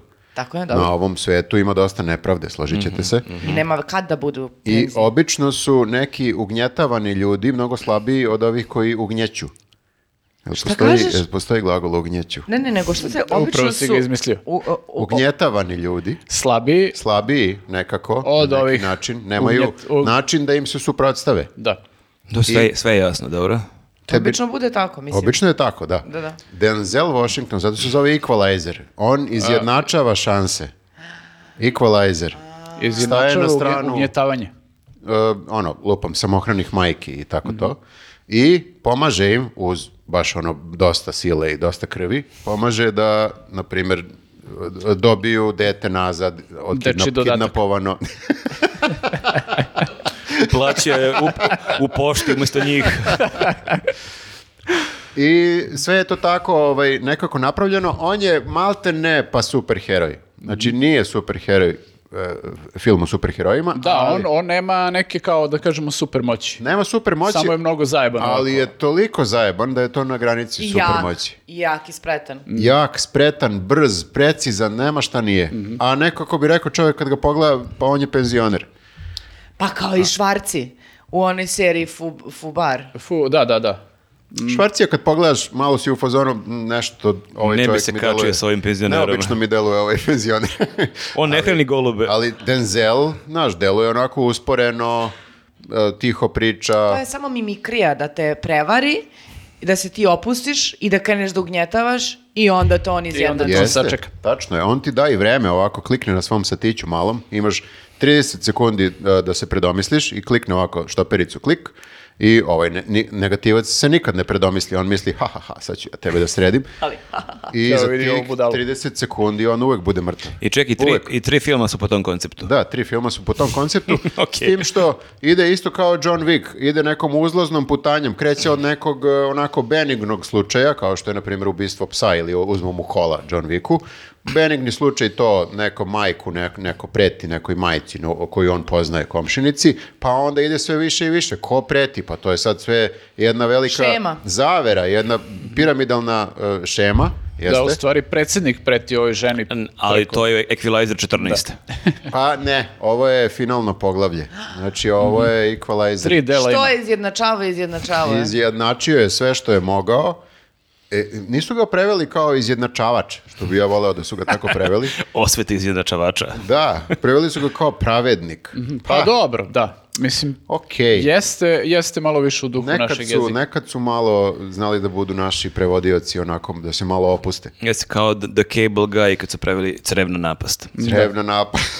grozno, grozno, grozno. Pa ima i ovaj sad neki film, uh, ne znam s kojim, kako se beše zove glumac, onaj uh, Jason, ne, nije Jason, onaj... Stetam. Stepan, da, ovaj neki novi, da. Pčelar. E, pčelar, da, nisam Koliko siguran o ne- čemu se radi tu. Ne, atraktivan uh, prevod Čekaj, filma. A šta Pčelar. ako se zove... Ali, Osamen. Ali njemu počinje film tako što njemu ubiju pčelu.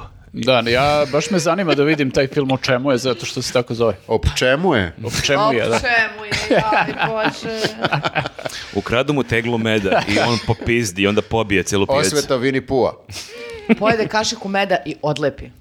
I e, uglavnom završava se Equalizer, neću kažem kako se završava, ali je zatvoreno to, zove Ali je se... Gin. Znači, Gine. to je, pro- pogledaš Neće tri da dela ga- i to je to. Nije kao John Wick da su otišli u, kako bih rekao, malo, Neku psihodeliju. pa da, bukvalno u psihodeliju, nego je, malo je zaokruženije, ako tako Ok, smijem nešto A da čekaj, John Wick završen ili će biti još nekih, još nekih delova? Se nadam iskreno da je završen. Jel ima četiri, četiri beš? Četiri, da, da, da. Mada ja mislim da je možda i kod John Wicka pisalo da je to kao nešto final chapter, bla, bla, bla. Pa da, ali ovaj, znaš šta, često se predomisle kod tih franšiza ako Da, dobro kao. prođe. Da. Ej, Mnogo pogledaj, vole da, ljudi, kao- što da ne. Pa ima i oni, koliko ima filmova onih Fast and Furious, valjda? Ja mislim ima 15 delova, ja ne znam ko to gleda više. Pa ali dobro, i nemoguća, očigledno- nemoguća misija isto, Da, da, da. koliko je delova do sada izašlo. Ja sam krenuo nemoguću misiju da gledam iz početka Mhm. i to je, ono, mislim, baš je to što ti kažeš kao, uh, jako je zeznuto zapravo praviti takve filmove, jer ti stalno moraš da pomeraš tu granicu, kao, a već ti je prvi deo lud.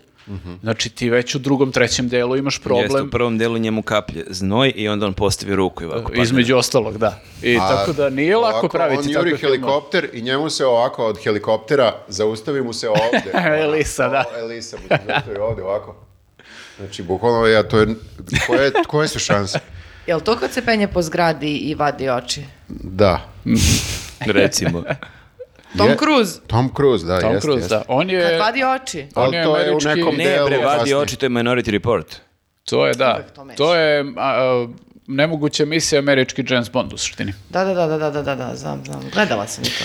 Uglavnom, to je Equalizer i gledao sam po preporuci opet nekog, n- samo ću brzo, ovaj, jesam pomenuo već u prošlom popkastu Rebel Moon. Počeo sam da ga gledam u prošlom, E, sad sam ga završio. Rebel Moon, mm, onako, Ne. Nije ti baš. To je A Scorsese. šta, koji je, koji je Kako? Scorsese? To je bre Zack Snyder, ja Aha, mislim. aha, aha. A, kako opet se neki ne- Žanr je svemirska Ima, bre, opera. ono. Novi Scorsese, sad izašao, mislim, i na HBO, ima nešto, Moon. Killers Kill- of Upravo Flowers si. Moon, jeste. A to su pričali o tome, to je bre neko remek delo. Ovo je ono, pokušaj Star Warsa ponovo. Ja, dokle više. To zvuči loše. E, I ispalo je loše. Ispalo je loše, moram ti kažem. Pa gde da prave to? A ne Se znam. ne pipa.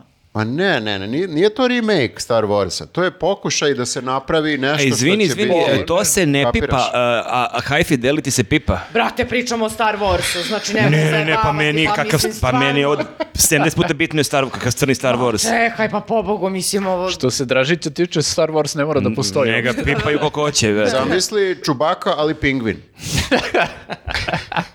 Čupavi, čupavi čupavi pingvin. I kreće mojih pet najtežih raskida. I, a, znači, dobro, da zaobiđemo ovaj. Rebel Moon, preskočite Ok. slobodno. Znači, Dobro. baš je... Okej. Da. Ok. E, ja sam gledao Society of the Snow. To je ovo što je na Netflixu E. izašlo sad skoro. Španski onaj, ne? Špansko-američka produkcija u pitanju, na španskom je i govori o toj, mislim, opet je uh, nešto što se desilo ovaj, po istinitom je događaju. 72. godine je jedna ovaj, uh, ekipa sportista zaglavila u Andima, srušio se avion, uh, urugajs- urugvajski sportisti. Nisu imali generali osiguranje da im dođe. Izgleda, ja po onome što sam vidio izgleda da nisu. Dobro. Ovaj, uglavnom, uh, sruši se avion usred Anda, ono, znači to i to u nekom najgorem periodu, bukvalno zima, mislim, Ciča zima. gore je užasno, ono, cele godine, ali tad je baš posebno užasno. I ovaj, slu- sruši se taj avion, Uh, deo neki ljudi pogine, dosta njih i preživi, ali su onako baš u, u, u zajebanim uslovima. I tu je naravno došlo do toga kao ovaj, neki su poumirali, mislim ovi drugi su morali da se snalaze jer nemaju hrane, nemaju ničega, baš je onako ovaj, uh, zeznuta situacija i uh, sad gle, sve vreme naravno pokušavaju da nađu neki način kako da, da se izvuku odatle.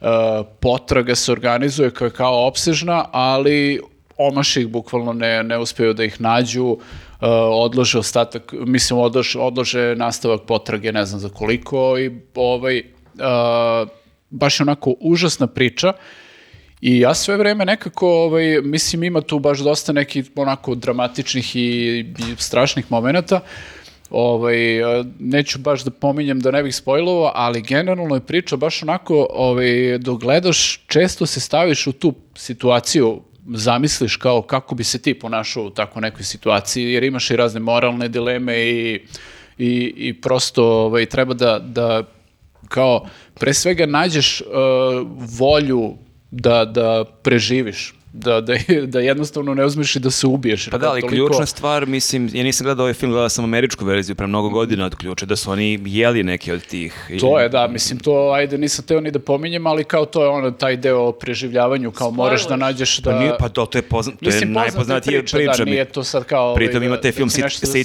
Hawkom je film Alive od To su 90. te, recimo. da, to su te moralne dileme, znaš, koje sad neki od njih imaju, neki su u fazonu, brate, mi moramo preživimo, znaš, nemaš izbora, kao, i to je to. Ali ne, e, oni pojedu nekog ko je već umro. Tako je, tako je, Nije da. da ga ubiju pa ga pojedu. Utešio si me sada, Pa apsolutno. čekaj, velika je razlika. Da, da, da, Pa, jasno. mislim, da. po, Ne, ne, pa lakše ti da pojedeš ako- u Pa čekaj, pa i mi smo pričali da ćemo pojedemo grafu kod nas stane auto na putu do Beča. to je tačno. Na primjer, da. mi, ali dok je živ. Pa dok je živ, da. da. Ali imamo, imamo, imamo sendviče, nego prosto da nas nervira. Da, da, da, na živo da ga sečemo, bukvalno. Ne, ali imaš tu ja- neke jako, ovaj, e, čak i malo e, meni, p- ne mogu da kažem smešno, ali bizarni su momenti u smislu, znaš kao, ovaj, ok, oni su u jednom trenutku stvarno morali da pojedu neke od ovaj, ljudi koji su, koji su umrli, ali imaš taj moment gde su imali dvojicu likova koji kao su se bavili tim e, telima u smislu da oni tamo su na polju i uzmu to istražiraju, srede, razumeš, i ovi kad dobiju to su komadi mesa. I ti kao nemaš toliko osjećaj da je to drugi čovek, kao to je samo komad, komad mesa, ovaj, do trenutka kad se ovoj dvojici nešto desi i oni nemaju više te ljude koji će time da se bave i sad su mnogo svesni da, da to što kao jedu, jel su drugi ljudi. I onda kao, daš, imaju sa tim problem sad Evo, već. oni imaju kao neki štek gde su se sklonili. Imaju, oni su sve vreme u, imaju taj neki uh, olupinu od aviona koja je ostala i oni su tu kao ovaj, uspeli da se uštekaju, pa imaju i tu problema raznih, nis- ne znam, desi se lavina pa im tu napravi problem i sa tim.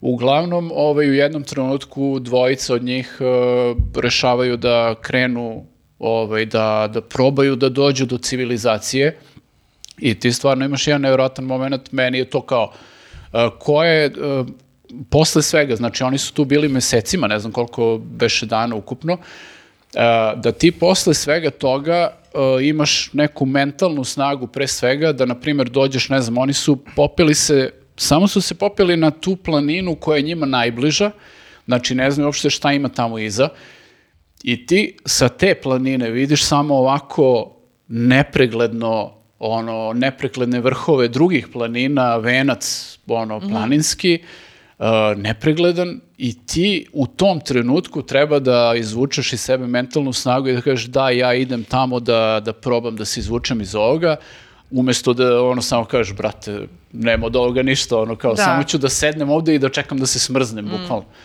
Tako da je baš onako film o tome, o toj nekoj snazi koju možeš u ekstremnim nekim situacijama da izvučeš iz sebe, jer njima je stvarno, mislim, oni su se na kraju, mislim da ovaj, se većina njih uh, spasila uh, od tih koji su kao ovaj, preživeli sam pad aviona.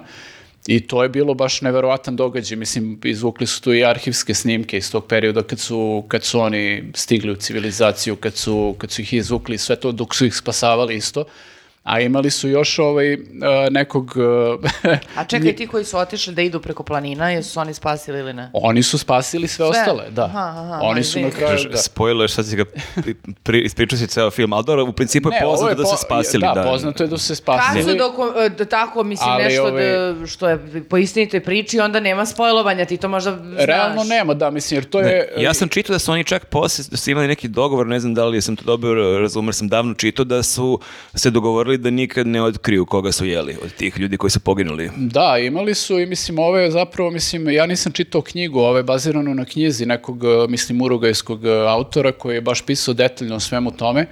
Ove, ali super mi je što su imali, recimo, i imali su u toj ekipi nekog njihovog grafu koji voli da zabeleži za istoriju sve sni, ono, da snima. Imali su neki fotoaparat, kameru, šta je već, Ovaj, I ovo je fotka, ono, ovaj, dosta toga i kao dosta tih nekih snimaka autentičnih koje, koje su kao ovaj, doneli sa sobom posle svega toga, možda da vidiš u filmu, baš onako neverovatno sve to izgleda. Vidiš bre, nije grafa lud. I ovaj, da, ako negde budemo ovaj, uh, zarobljeni na planini, grafa će sve da zabeleži.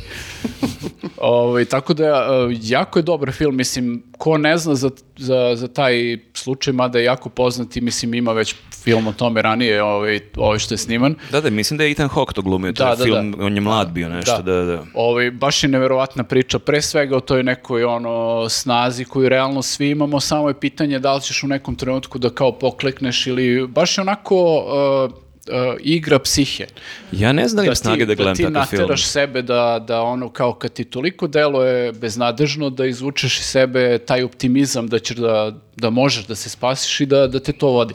Pa dobro, nemaš druge, mislim, ili ćeš da crkneš ili ćeš da se boriš, šta Pa ćeš Ne, se ne, ali imam druge da ne gledam film, ako- jer ja sam baš teo da pogledam i onda sam se setio isto kao ona priča kad je sa James Frankom, onaj film 127.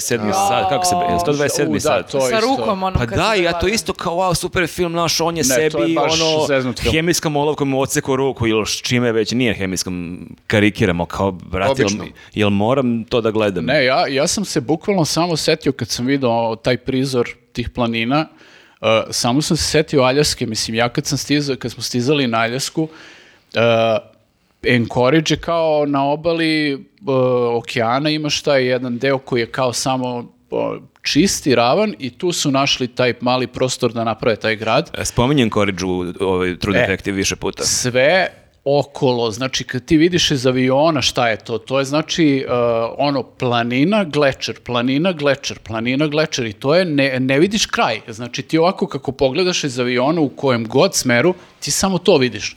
I sad, ne daj Bože da, na, na primjer, avion padne tako negde u, u, u sred toga, To je, ja ne znam kako, znaš, baš je ono, kako se izvući iz toga. Potpuno Ali je ono... ne znam koliko je baš dobro taj film gledati ako još čovek koliko toliko često putuje avionom. Nekako ti kad putuješ avionom ti već im još proći ti kroz glavu svašta. E, imaš strahove, Ako ti imaš naravno, baš da. konkretan film šta se desilo ovim ljudima. Ako imate dobro. generalno fobiju od aviona, da, možda nije Ako putuješ baš dobro da... avionom i ne jedeš meso. Da.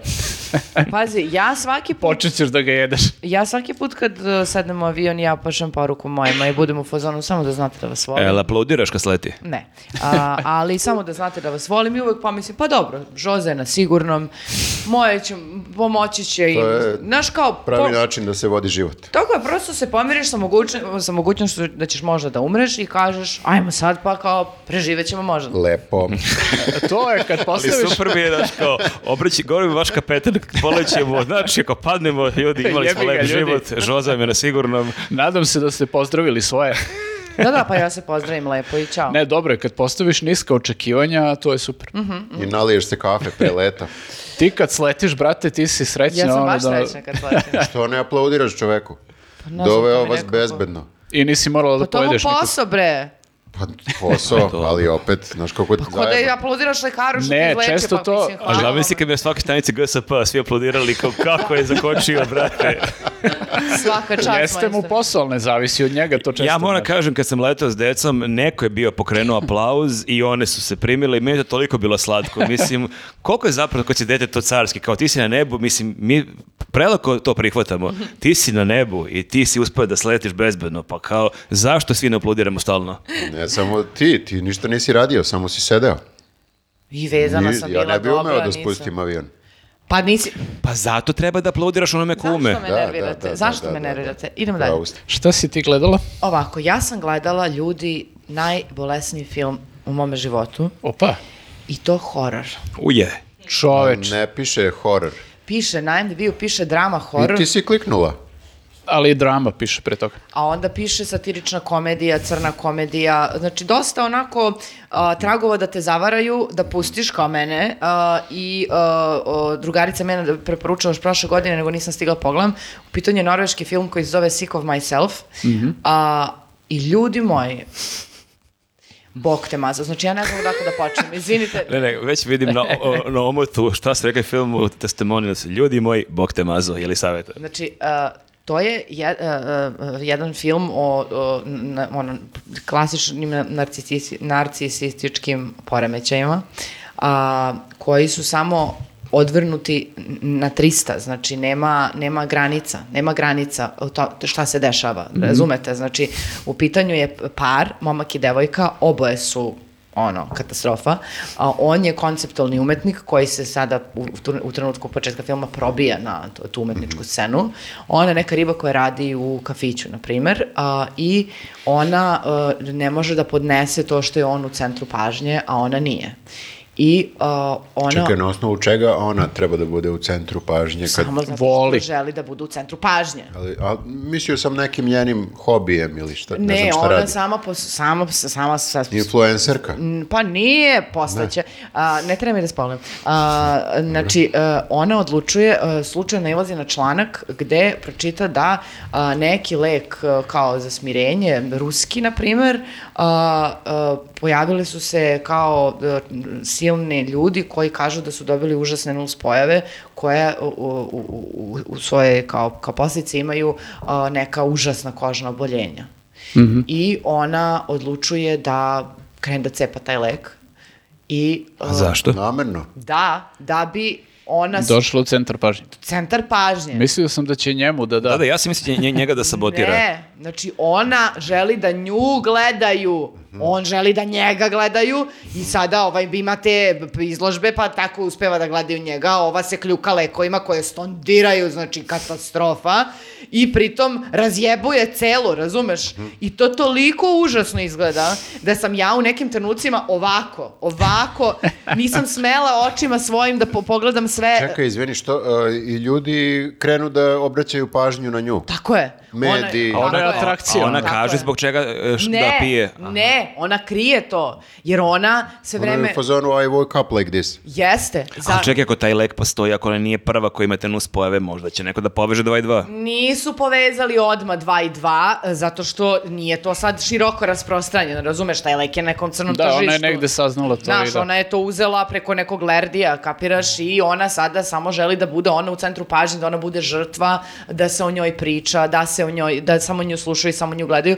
I mislim, to je e, a onako naj, na najsatirički mogući način samo prikazan e, ono poremećaj klasičnog jednog ono, narcisa, jednog e, Možda ne klasičnog, ali malo jednog jačeg, onako narcisa. Naravno, ovo je samo predimenzionirano, ali je predimenzionirano toliko da odlazi u fucking horor, koji ja, vi znate, ne mogu da podnesem. Znači, Pisalo ti je. A, ne, ali, Ali mnogo me kao, je sed, privuklo. Nije kao sedma stavka, da, da, da. da. Mnogo me je privuklo. Da ti, a, mislim, ako sad ovako uzmeš da gledaš ta, ta, uh, ti i taj lek i to taj njen postupak, to stvarno može da bude ona metafora za razne stvari koje ljudi danas rade kako bi svoj izgled ili nešto doveli u taj neki nivo uh, Jasno mi je, jasno. pažnje i primećivanja, bez obzira na to što, da li to tebe može životno da ugroze. Mislim, sve i na kraju dana i plastične operacije koje su krenule po zlu, lekove e, za dijabetes koje piju da bi mršavili i tako dalje. Da, da, ali ovde je razlika što ti kad ideš na plastičnu operaciju ideš da bi bio lep, pa nekad nešto krene po zlu ovde. Ona u startu računa da će da vu propasti. Ali šta kad preteraš sa plastičnim operacijama, nisi ni svestan da si preterao. Da, jedni i Samo drugi samo hoće da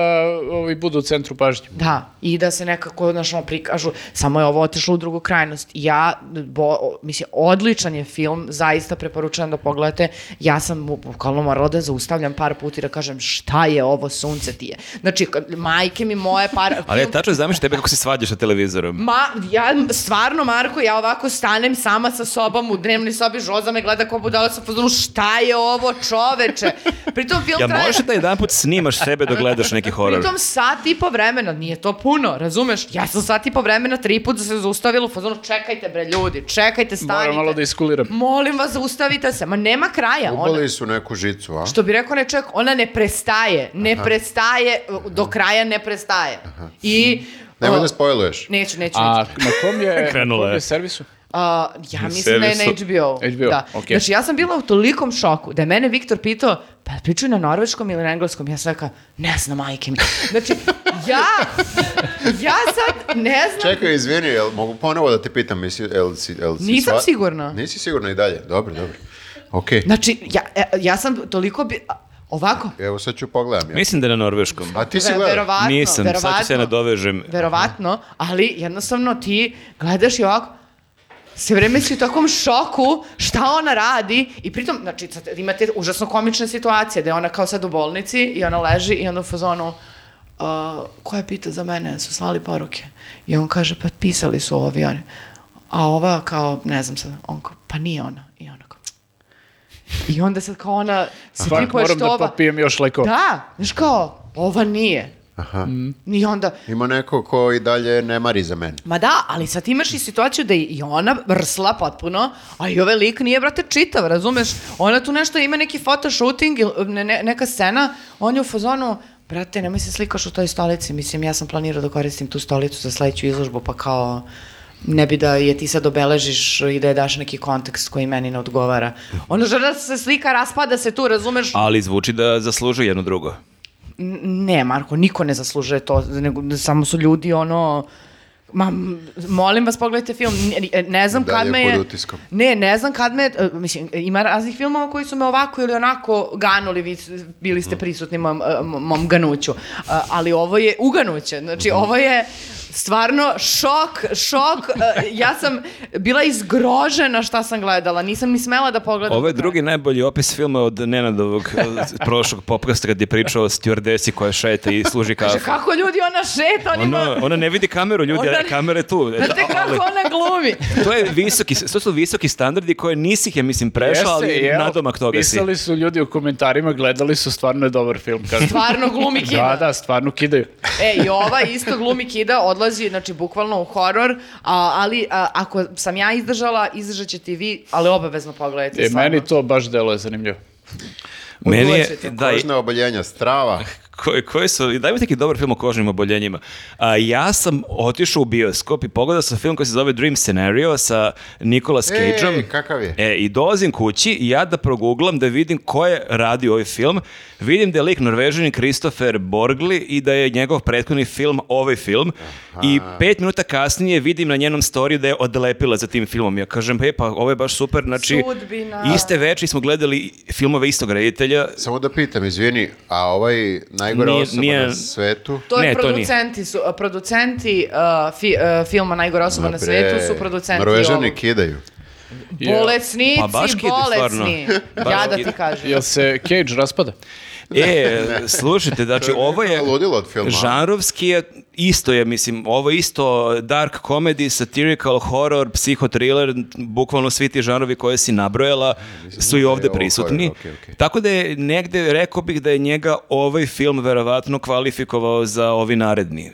Ako to već nije unapred bilo dogovoreno, ali film je, kad smo bili klinci, pa, e, mislim klinci u nekim na fakultetu, pa kad, e, ili malo ranije, kad neko pogleda neki film pa ga pitaš kakav je, pa ti on kaže, o brate, istripovan je film. I to je reč koju sam e, i da ja jako često slušao, kao kakav je, brate, znaš kako je istripovan film. I dugo nisam tu reč upotrebio. E, ovaj film je, brate, istripovan. Baš je A istripovan. mora se kaže brate isto. Da, da, da. Bra- brate, istripovan.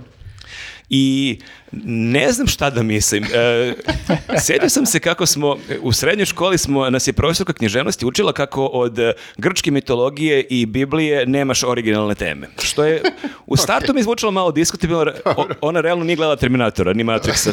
Ali ovo je jedan od filmova koji definitivno nije spomenut u grčkoj mitologiji u Bibliji, znači ovo je stvarno jako zanimljiv koncept. Nicolas Cage je fenomenalan i film je potpuno bolestan, A o čemu se radi? Ovako, radi se, slušajte. Istripom. I, brat istripovan. Brate, istripovan. Ja sam odgledao trailer, mislim da znamo o čemu Ne, se ne, radi. e, genijalan je koncept. E, kraj nije dobar, ali toliko je genijalan koncept da je nebitan kraj meni makar. Nicolas Cage je najprosečniji, najobičniji čovjek na svetu. On je profesor na univerzitetu, potpuno prosječan život, brak, dve ćerke, običan profesor, ni, neki hobi, neki prijatelj, ni, ni po čemu se ne izdvaja. I film počinje tako što nje- e, mi smo u snu njegove s- ona je na bazenu nešto i ona kreće da lebdi i Nikola Cage tu pored i on njoj ne pomaže. I ona i mu kaže sanjala sam te noćas i kao ok, klasično ne- neko te nekad sanjao.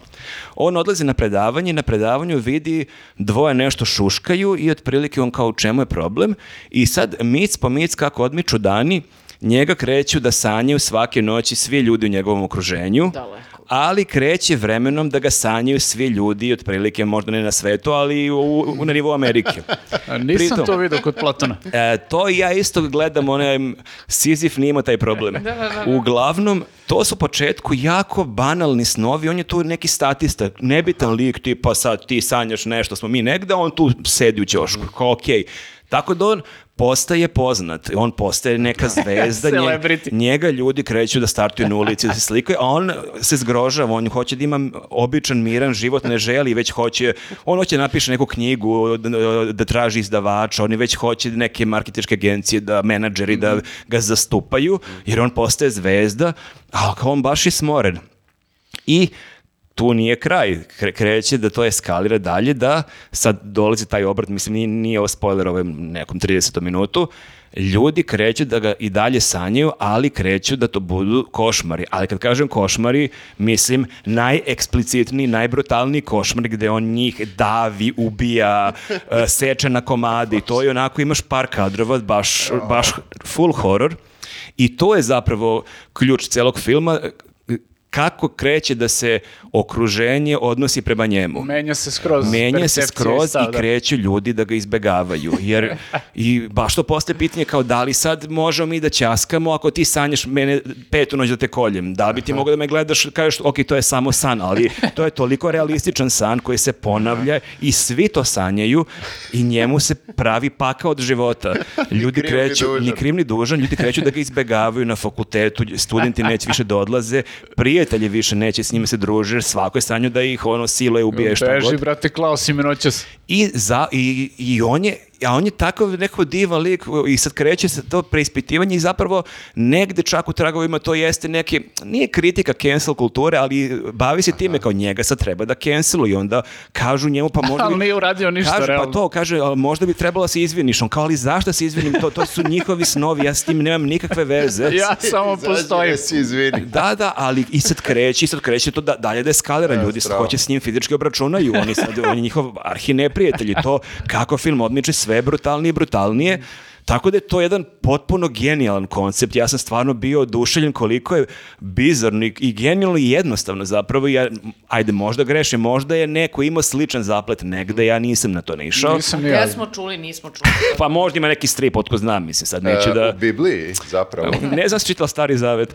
Uglavnom, e, Ja i samo pomislio sam u nekom momentu da ne znam kako taj film može da se završi i da se plašim da će ga zasreti i da posljednjih pola sata nije najbolje završen, ali nije takav film lako za- završiti. Mislim, postojale su neke radikalnije opcije, ali aj sad da, da ne objašnjam šta je sve moglo, a šta nije, ali u svakom slučaju toliko je meni taj koncept, ta premisa, toliko mi je genijalna da zaista mi je bilo nebitno kako će film da se završi. Zaista koliko je, kako sjajno to je eskalera i kako pokušaš da zamisliš kao jadan čovjek, ali stvarno šta da radi, ali opet razumeš i te ljude. Nije lako sad mi da se družimo, pričamo, a ti...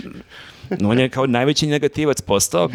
Tako Ni da, zbog čega. e, to je super da on, on kao e, juri izdavača za neku knjigu i onda mu kažu, pa kao malo se menja situacija, ali kao dobiješ neke nove fanove, ovi fanovi Jordana Petersona, ovi alt-right, kao među njima postaješ kao, i on kao, ja neću da budem među njima, kao ja sam profesor na fakultetu. Tako da ima jako mnogo i komičnih scena, ima jako mnogo bolesnih, potpuno hardcore bolesnih horror scena, a ceo film je, brate, istripovan. Da, da. E, molim vas, sada kada smo završili sa filmovima, samo da kažemo jednu jako bitnu stvar. Znači, ovo izlazi u ponedeljak. Ovih dana vodite računa, obratite pažnje na naše društvene mreže, zato što ćemo objaviti jedan specijalni giveaway. Wow. A, I to neviđeni do sada. Zato što ćemo imati šta? Specijalnu projekciju sa nama za Poor Things. Sa nama. Sa nama. Sa nama Mi, idemo... gl- mi glumimo u filmu. Mi idemo da gledamo. Radimo remake. Idemo gledamo Poor Things. Idemo da gledamo Poor Things. Za- ja ću opet idem da gledam Poor Za Things. besplatno. A, a o, ljudima, o, o, znači obavestit ćemo u postu koliko, o, koliko karata, o, koje vreme i mesto o, domu sindikata, o, da mogu da ljudi dođu da E, gledaju sa nama Poor Things. Ali ako zamisli ako krenu sad e, tokom filma da nam prilaze, kao, ej, super ste, ja, možemo se slikamo. Pa to će pre Za filma, vreme valjda. filma. Za vreme filma. Znači, sme za dok vreme. traje film, hoću gledam film, nisam gledao film. Zove se film na srpskom Ta jadna stvorenja. A KD? A, sledeće nedelje će e, svi dobiti detaljni. Da, film je u bioskopima od 8. februara, ali ne znam kad će biti Pa, ovaj na događaj. primjer, možda sad taj... Dozvali ste ga, toliko ste rekli Dobro, kao kad dobro, će ovo u okej. bioskope. Ti si gledala onu jednu projekciju što je bila jedna i pa ni jedna. Da, da, ja sam video, ja sam u prošlom popkastu pričao i zašto Anatomy of a Fall nije u bioskopima, vidim da će i to biti, da je. Megacom film i to otkupio, tako da eto, hvala. Bravo. Dobro, hvala znači prvo Megacomu. Poor Things, pa posle ostalo. Jeste, ali jako sam srećna što je to zapravo neka kao, spe, kao, kao specijalna mala projekcija, razumeš, zato što idemo Za svi specijalne zajedno. ljude. To je znači kao neki dečiji rođendan kad dođe dvadesetak Jeste, ljudi jeste, u, tako u tako salu. tako Kao nije je. skroz samo za njih, ali jedan deo jeste kao neka tribina. I Neka možemo, mala sala, 20 ljudi. pa ne, 20 ćemo mi možda da povedemo. O, Biće fazon 2000 ljudi, znaš. A, okej, okej. Ali Dobro, samo se dobro. ne izgubimo na ulazu. Znači, Ne znam, moramo sad nemojte da se se držimo držati, za ruke. nemoj se sad držati 20. Dogovorit ćemo se, obja, ob- objavit ćemo sve na, druš- na Instagramu. Molim Možemo vas. da imamo celu salu za nas. Pa nemoj da si jalav, brate, dali su nam malo, pa ne možemo sad Dobro, da dati Kako se pokažemo, Viktor? Ako se dobro pokažemo, Dobro. neki naredni film će imati veću salu. Onda 200 možemo da vodimo kao put. ono turistički vodiči sa onim uh, uh, zastavicu- nju nju- nju znakić, idemo kroz grad i vodimo ljude u bioskop. Tako je. To bi ja voleo, to bi bilo strava, jer piše specijalna projekcija, znači projekcija za sve koji su u sali, a ne kao specijalna za nas 20, a ostale nespecijalna projekcija. Da. Pa onda će oni da, da, da shvate i onda će oni tati da budu tu i da onda će svi da budu specijalni. Dobro. Nisi dušen, Viktor, a? Ne, ne, super Ne, je ne. strava, ali dajte nam još. Eto, to je E, samo. hoćemo celu salu. Teko i ti ideš s nama. Da li ste čuli naši gledalci i Teja će biti sa nama? Pukne internet, 300 ljudi ono, dođe. Instagram, zašto idete ja na Poor Things? sjajno, sjajno. E, jel prelazimo na knjige ili na muziku? o, šta god želite. Viktore, ti pričaš prvi šta bi Odluči. želao? Ajde, muzika. Ajde. Ajde. O, ajde. Ajde, muzika. E, Kad smo bili u Beču, Dobro. vodio sam vas po onim super kafićima, Dobro. ako se sećate. Baš sam pokidao. Pohvalite me malo. A, Pokida si, jesi, da, da. si. Ne znam kako je s Viktorom ići u bioskop, ali ako možete idete s Viktorom u Beč, iskoristite tu priliku. A, ne samo da nalazi dobre kafiće, nego nalazi i dobre restorančiće. Ali ja moram kažem da to nije prvi put. Ja sam e, bio nekoliko dana u Viktorovom društvu i u Pragu na prvenstvu u košarci i tu je pokidao. Našao je neke najbolje bifteke, neke najbolje burgere. On baš ume da koristi taj internet. Imam internet i onda znam da nađem na njemu Vidi reviewe, vidi ocene, vidi Ali komentare. nije, Viktore, samo do interneta. Ja da ti kažem, ja kad putujem, posebno kad putujem sama, meni je najveći pakao šta ću da jedem i da ću da jedem. Se zna TripAdvisor. Jer ne znam da procenim, sad već sam počela da napredujem, E, ali nije kad sam- TripAdvisor, izvini. E, ajde man, pošto preporučujemo, ajde imat ćemo ono svaštro, ali iskoristi priliku. Kako se zove taj sajt? Spotted by Locals ili... Spotted by Locals. Idite, instalirajte to, ima i aplikacije, Mhm. ima i sajt i to su vam lokalci iz tog grada vam preporučuju najbolja mesta i stvarno ispadne do jaja. Oni znaju. Ja sam nekad pisao za Beograd preporuke e, i sad treba da pišem ponovo, primili su me posle x godina, ponovo da pišem i sad nikako imam ono, kako se kaže, kreativnu Sad blokadu. ćeš ti ono igraonice koje su najbolje za, za decu. A, pa može, može bilo šta, ne mora da Pa samo dobro, kafić, ljudi da. koji idu sa bebom, s malom decom, hoće da vide gde su, koji su kafići, restorani gde je okej da dođu sa Ili malim sva detetom. mesta gde je dobra kafa i gde su poširana jaja. E, I dobro. samo poširana Ovo je jaja. bila, ovo- samo poširana ja. Ovo je bila digresija, gde sam samo teo da me pohvalite. Ok, Bravo, hvala, hvala. Viktore, legendo. Kad smo i napuštali ovaj drugi kafić, ja sam čuo pesmu jednu i bio sam u fazonu "U, što ovo dobro zvuči i onda sam imao aplikacija Shazam. Shazamovo sam pesmu. Shazam! Shazam. Neki austrijski hip-hop. Austrijski, nije hip-hop, austrijski elektropop. Moram, zapisao sam kako se zove, ima najsmešnije ime na svetu. E, autorka. Fufi Fufcik. Ma daj, ma daj. Pa to ne si izmislio sada. O, je bizarno. Fufi Fufcik. E, pe- Kako se to izgovara uopšte? E, Upravo sam izgovorio, fufi fufcik. Više je pitanje kako se piše. Ne znam kako se piše. Pa valjda ti piše na Shazamu. E, Piše mi na Shazamo, ali ne bi znao da napišem sad ponovo. Znam da izgovorim. Fufi fufcik. Elektropop, e, konkretno ta pesma koju sam čuo je stvarno super. Zove se Ćao amore mio, ali nemojte da brinete nije na italijanskom, nego je na predivnom nemačkom jeziku. Samo je refren ovaj Ćao amore mio. Super je neki elektropop. Baš ono... Baš su, ja sam mislio Na kao... foru koje grupe možeš? Kao rasta, dio more. Na foru Da, malo ima knife, ne, ne, nema raste. Nema, A, ne, knife ne. fazon. Da, knife fazon, uh, to mi je nekako možda Ono naj, malo kao najsličnije. neki, da, tropical fazon. Neki seksi Jeste, pop. Jeste, seksi pop, uh, malo onako mazno s- seksi na nemačkom. Što je- Naravno, kako Dođe da ti da se mazi. Ja kad pomislim na maznu nešto, to je nemački uvek. Da, mora malo da se prevaziđe ta barijera. Mislim, mnogi ljudi ne vole da čuju bilo šta na nemačkom, pa ni ja. Ne, ali- ja kad je mazno Nemačku imam druge neke ovaj, asocijacije, ali nećemo sad. Dobro, da, ne, naravno. Ali e, kapirate šta hoću da kažem. Ova Kapiramo pesma, i tebi ne nada šta ova da pesma je strava i možda je i najbolja od svih koje sam e, čuo. e, Na ali- nemačkom jeziku. Ne, ne. Od, od Fufi Od Pufci. Fufi Fuf- Fufcik. Preporučujem da odete i da poslušate u svakom slučaju ne samo ovu pesmu, nego i ima sad neki novi singl. A je li ona neka zvezda u Austriji ili Ne. je neka alternativa? Mislim da je neka alternativa. Znači Po da možemo da je slušanja. onda i dovedemo u Beograd možda, nije onda skupo. 300 evra. Fufcik. Fufi Fufcik, išao Pa bi jesi da ti pričala da želiš da arenu. u nekom momentu dovodi neki izvođači stand-up bendove, ajde da probamo sa nekim koji je jeftin, nećemo dovedemo sada Coldplay. Ali austrijsko jeftino je za, i dalje za nas, ja mislim, Da. skupo. To je neki standard e, e, visok, previsok Mhm. za nas. Ali evo možemo da pitamo da li mogu... Da li biste išli na koncert? Arsenal. Pišite komentarima. Da li biste slušali Fufi Fufcik u Da li biste išli na kon, da li biste platili da li je ovo prvi podcast van Austrije ili čak možda i u Austriji da neko priča o Fufi Fufcig? Vrlo Ja moguće da ni u Austriji niko nije Po pričao. broju slušanja na Spotify-u nije baš kao da, da je neka zvezda. Mhm. Možda ja grešim, možda je to sad neki standard isto za Austriju da ne slušaju ništa. I onda je to sada Ne normalno slušaju za... ništa. Normalno, ali uh, u svakom slučaju poslušajte pa mi javite šta mislite. Mene baš, baš me interesuje, voleo bi da ovako, evo, da sam slučajno, znači izlazeći iz kafića, voleo bi da sam otkrio neku baš ono strava stvar. Ali to je super zato što je, će, kada god budeš narednih godina slušao diskografiju Fufi Fufcig, ima da se setiš i tog kafića i nas i to je onda lepo kad povežeš. I Fufike. Moguće da mi je zato lepo, da. Mhm. ali, ali mislim da sam objektivno pogodio da je Mm. super. Eto, preslušajte i vi pa mi recite šta mislite. Prosto je ulepšao taj naš trenutak, što kaže Marko, taj moment kad smo samo spontano odlučili da sednemo onaj kafić sa lusterima i kao sedemo da popijemo. A jesmo, jesi u tom kafiću sa lusterima čuo Fufi ili u nekom Da, drugom? da, da, A, da. okej. Dobro, to je lep kafić. Da. Jeste. A, ne, ne. Nenade, Mi, mo, Ja o muzici? Pa E, dobro. Ako baš moram. Da. Ovaj, a, slušao sam novi Green Day, Ok. bolje da nisam. O, ne. Zašto? A, Pa stari su. zato što je loš. A, ne znam šta su uradili. A, prvo, Billy Armstrong ne zvuči kao Billy Armstrong. Nešto su uradili sa njegovim glasom u miksu i to zvuči kao neki drugi pevač. Podigli su nešto njegov vokal. Kao bliskav je, je. možda je mutirao. Možda je mutirao najzad, da. Ovaj, a on je ranije imao dublji glas, znaš kako zvuči on, to je on, znaš, ovo nije, kad pustiš muziku kao, uh, prvo sam Možda je u bio fazonu, bolestan, Nenade. ne znam šta je, ali... ovaj, zakupio je studio tog jednog dana i imao je temperaturu. Mora da izgruba bukvalno sve pesme.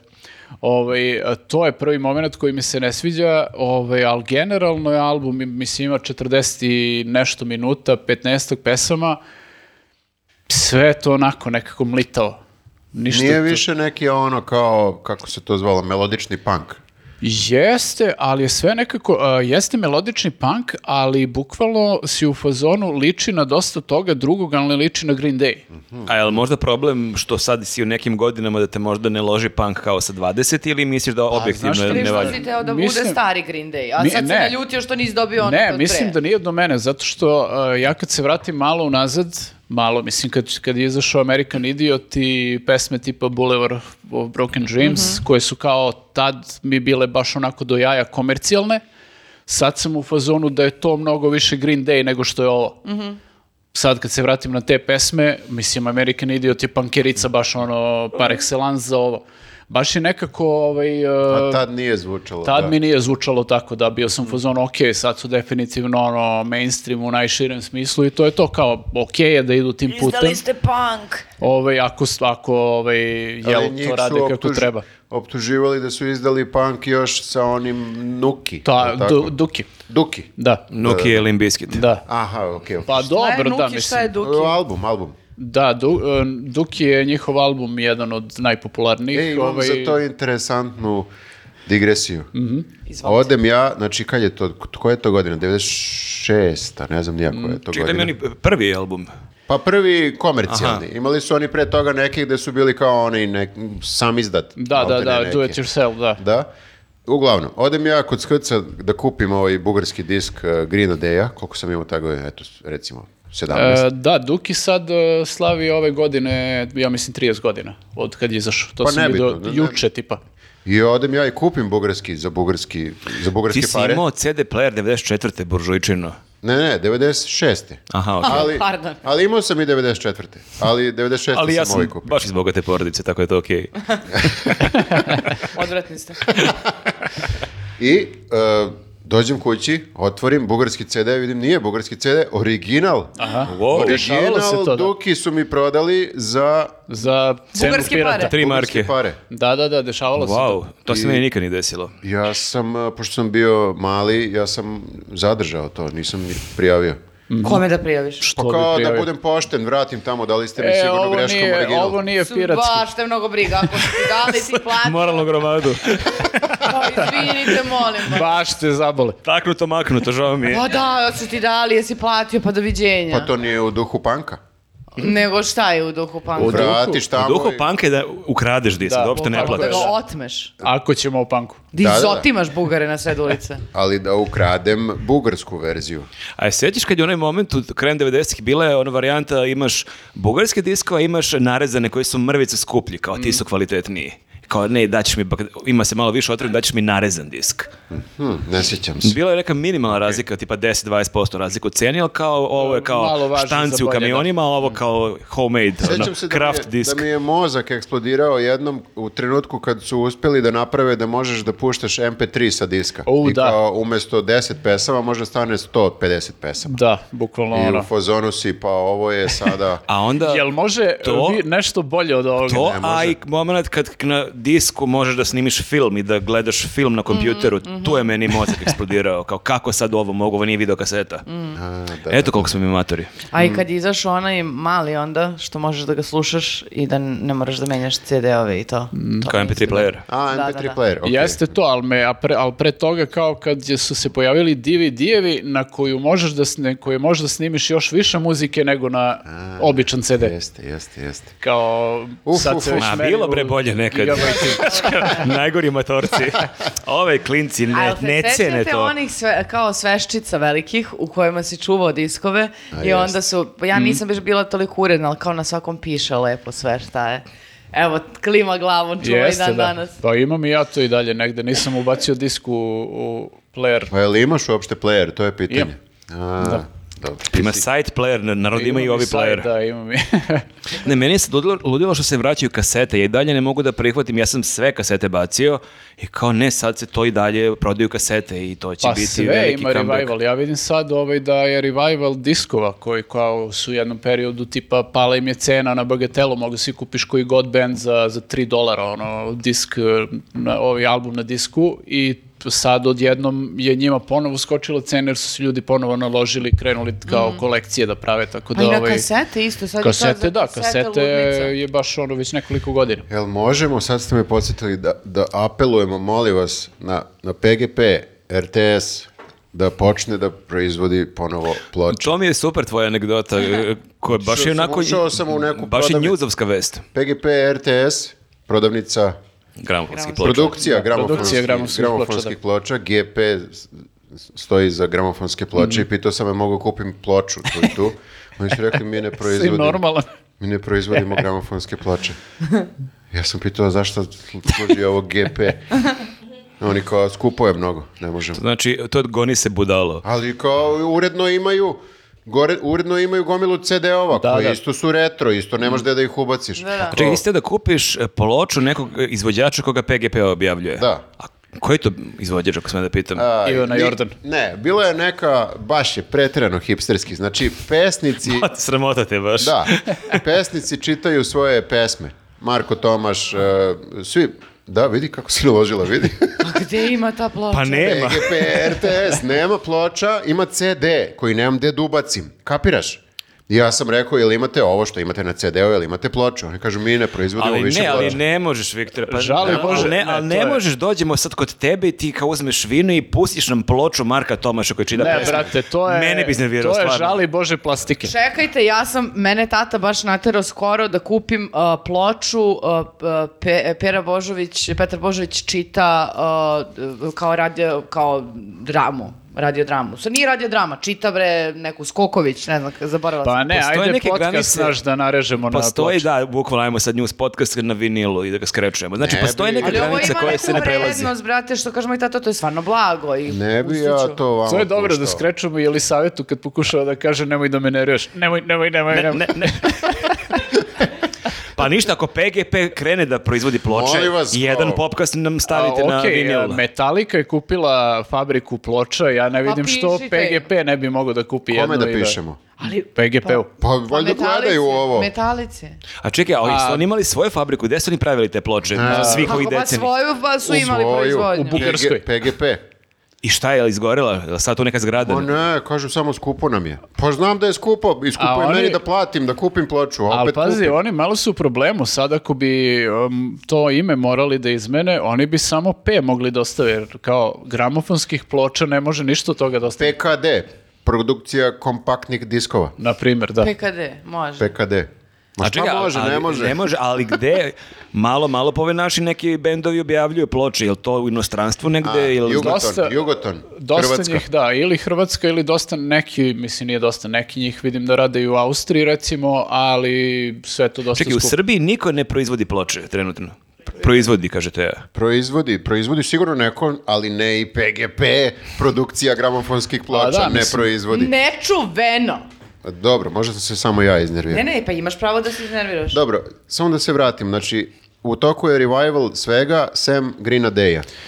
E, da, oni pokušavaju da budu aktuelni moderni i sve to, ali nešto mi tu ne, ne radi mi. I malo sam bio u fazonu, čekaj, da li sam ja lud?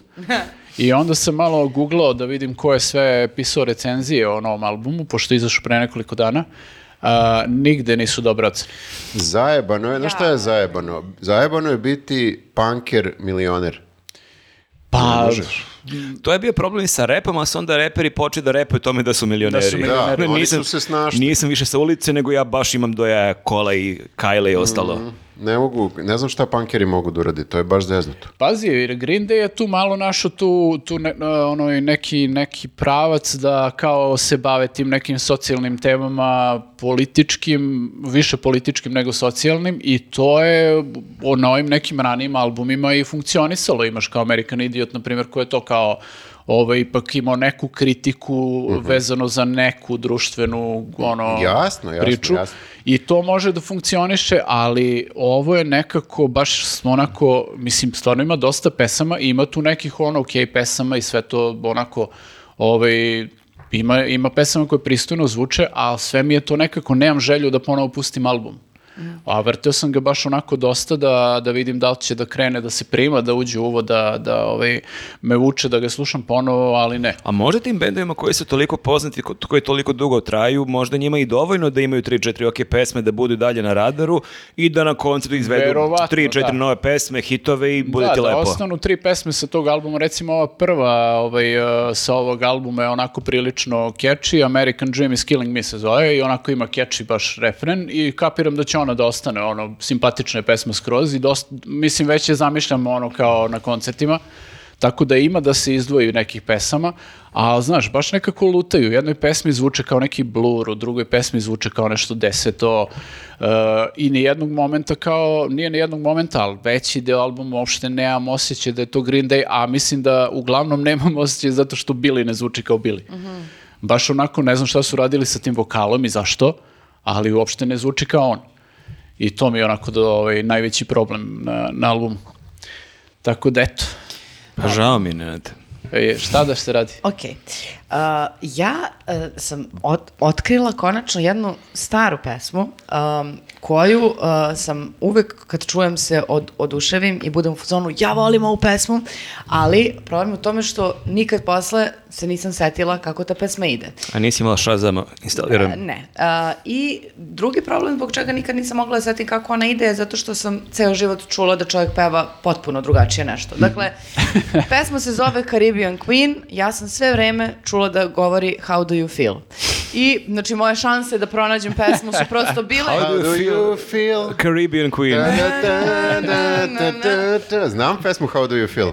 Apsolutno. Da, da, da, da. Ali a, imala sam sreće da a, a, smo Viktor i ja onoma sedeli u tezgi i da je ta krenula pesma i da smo nekako registrovali, samo što se završili, krenula neka druga iritantna koja nam je ulazila u glavu, ali smo uspeli da zapišemo par reči. Ti si zapamtila par reči, ja nisam, ja sam mislio da kaže how do you feel? How do you feel when it da, da, da, da, da.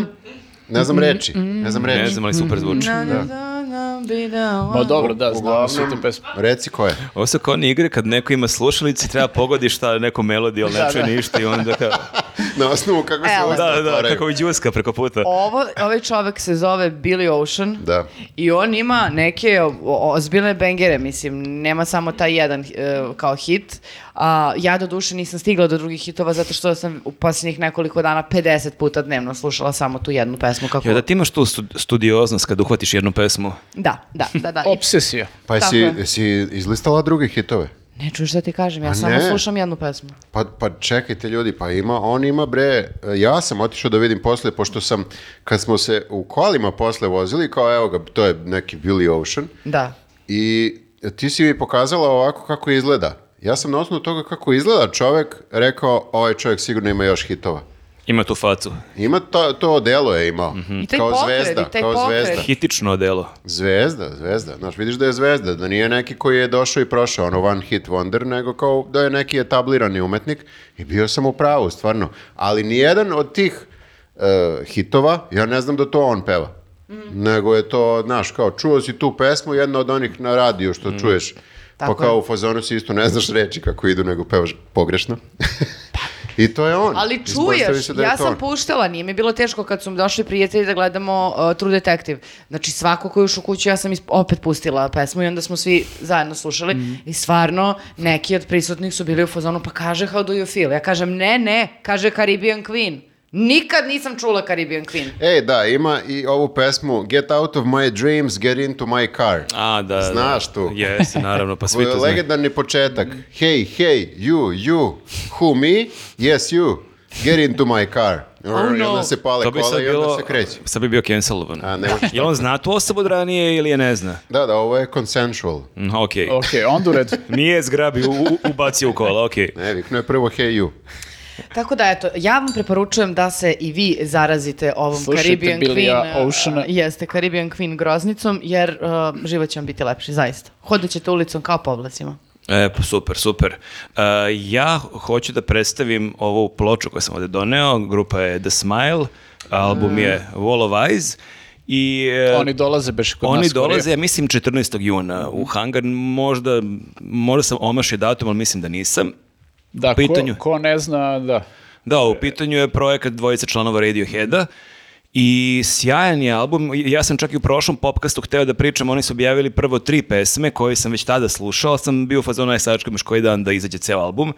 I jako mi je drago, jako mi je simbolično što sam ovu ploču kupio i ja imam pri- priču kao i Viktor Beču. Taj album je izašao 26. januara, mi smo bili u Beču, mi smo veče pre toga nastupali i taj dan smo onako bleli po Beču i mi smo se razdvojili bili, svako je otišao na svoju stranu na- nekoliko sati. I ja sam vidio da je izašao album i onda sam ga slušao kako sam sam šetao i bio sam u jednom muzeju, onda sam slušao recimo tri puta ceo album onako za redom i odlepio sam potpuno. I šetamo te večeri, idemo, to isto bilo, to nismo pričali našu avanturu kako smo krenuli prvo s idejom da odemo u jedan karaoke bar, koji nije, u stvari radio je karaoke bar, ali je bila jako bizarna priča, ti si pregovarao, bilo je jako prazno kad smo ušli, Pa- Jako, jako bizarno. Pritom smo, o- o- ulazimo u bunker, ljudi. Znači, mi smo mogli život da izgubimo. Nas niko ne bi nikad čuo ni našao. Ličilo je malo na sex dungeon. Jeste, d- ali to je, mi dolazimo do adrese, nema nikakvog natpisa i, i grafa ispregovara s nekim čudnim starijim čovjekom kaže da da idete za mnom u podrum, ono neko atomsko sklonište otprilike. Katastrofa. I tamo to ništa kao nije problem. Mi smo se još tu svađali sa njima da mi ostanemo tu. Razumeš li? Ja ali fore, u- ulazimo tamo, tamo, bilo je deset uveče, možda unutra šestoro ljudi. Ma koji šestoro, toliko. četvoro. tipa dvoje troje korobari, dvoje troje gostiju koji na nekom projektoru imaju, ide neka pesma, neki nemački popić, neka katastrofa, oni to pevaju i sad mi kao ajde popićemo jedno piće, otpevat ćemo jednu pesmu, idemo dalje. I Viktor odlazi do šanka i kaže ljudi ne možemo da pevamo, nemamo pasoše. Ne ja možemo sam ni da se svađala sa njom zato što mor... ne možemo, ne zato što ona kao kaže ako dođe policija, ona će dobije kaznu. Ja sam u fazonu, ali mi hoćemo samo da pijemo i da pevamo. Ne, ne, Moraš pasport, pasport, please. Izmislila je, ja mislim da je izmislila to, e, ne znam zašto, rekla je ovo je private klub, možda je seks klub, nisam Mhm. siguran. Misliš da su oni prsti? Sex dungeon, ja ti kažem. A, Ali e, ti si da. imao te šiški, bili su zonu, ovaj tip zajebi me. Nema tih para. Ovo je neki manijak. Uglavnom, eto, sad imamo i priču da nismo mogli da pevamo E, karaoke, nisam mogli, ali smo jer do- nismo imali pasoše. I, i- izlazimo tako pokonjeni bez pasoša i vidimo neku grupu ljudi, ali savjeta naravno od ispregovara, tu 30 metara dalje, kaže, čujemo neku buku, kaže, e, tamo je žurka na drugom spratu, ludilo, ovo su neki naši ljudi, r- svima se razumemo. Koja je žurka? Kao je žurka Queer Jugo Party.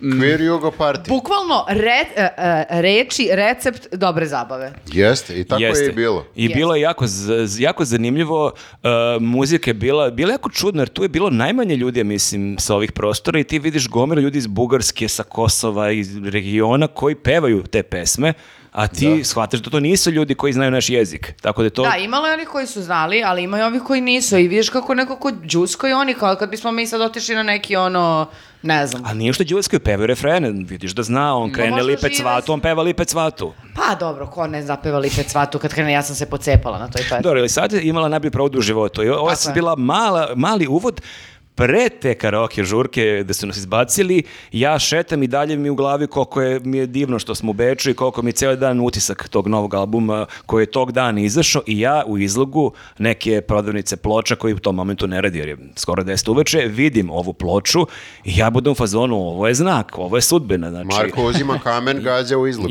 Jeste, to nećemo pred kamerama. Uglavnom, ja shvatim, ova ploča je danas izašla, ja danas slušam i one, evo ovde, i ove sudbine, kažem, Viktore, sutra možeš da me voziš pre polaska u Beograd, ja hoću da dođem ovde i Viktor je ispo legenda, vozio me je i mi smo izgubili ono sat vremena, smo se vrteli po Beču jer je to u kontrasmeru bilo.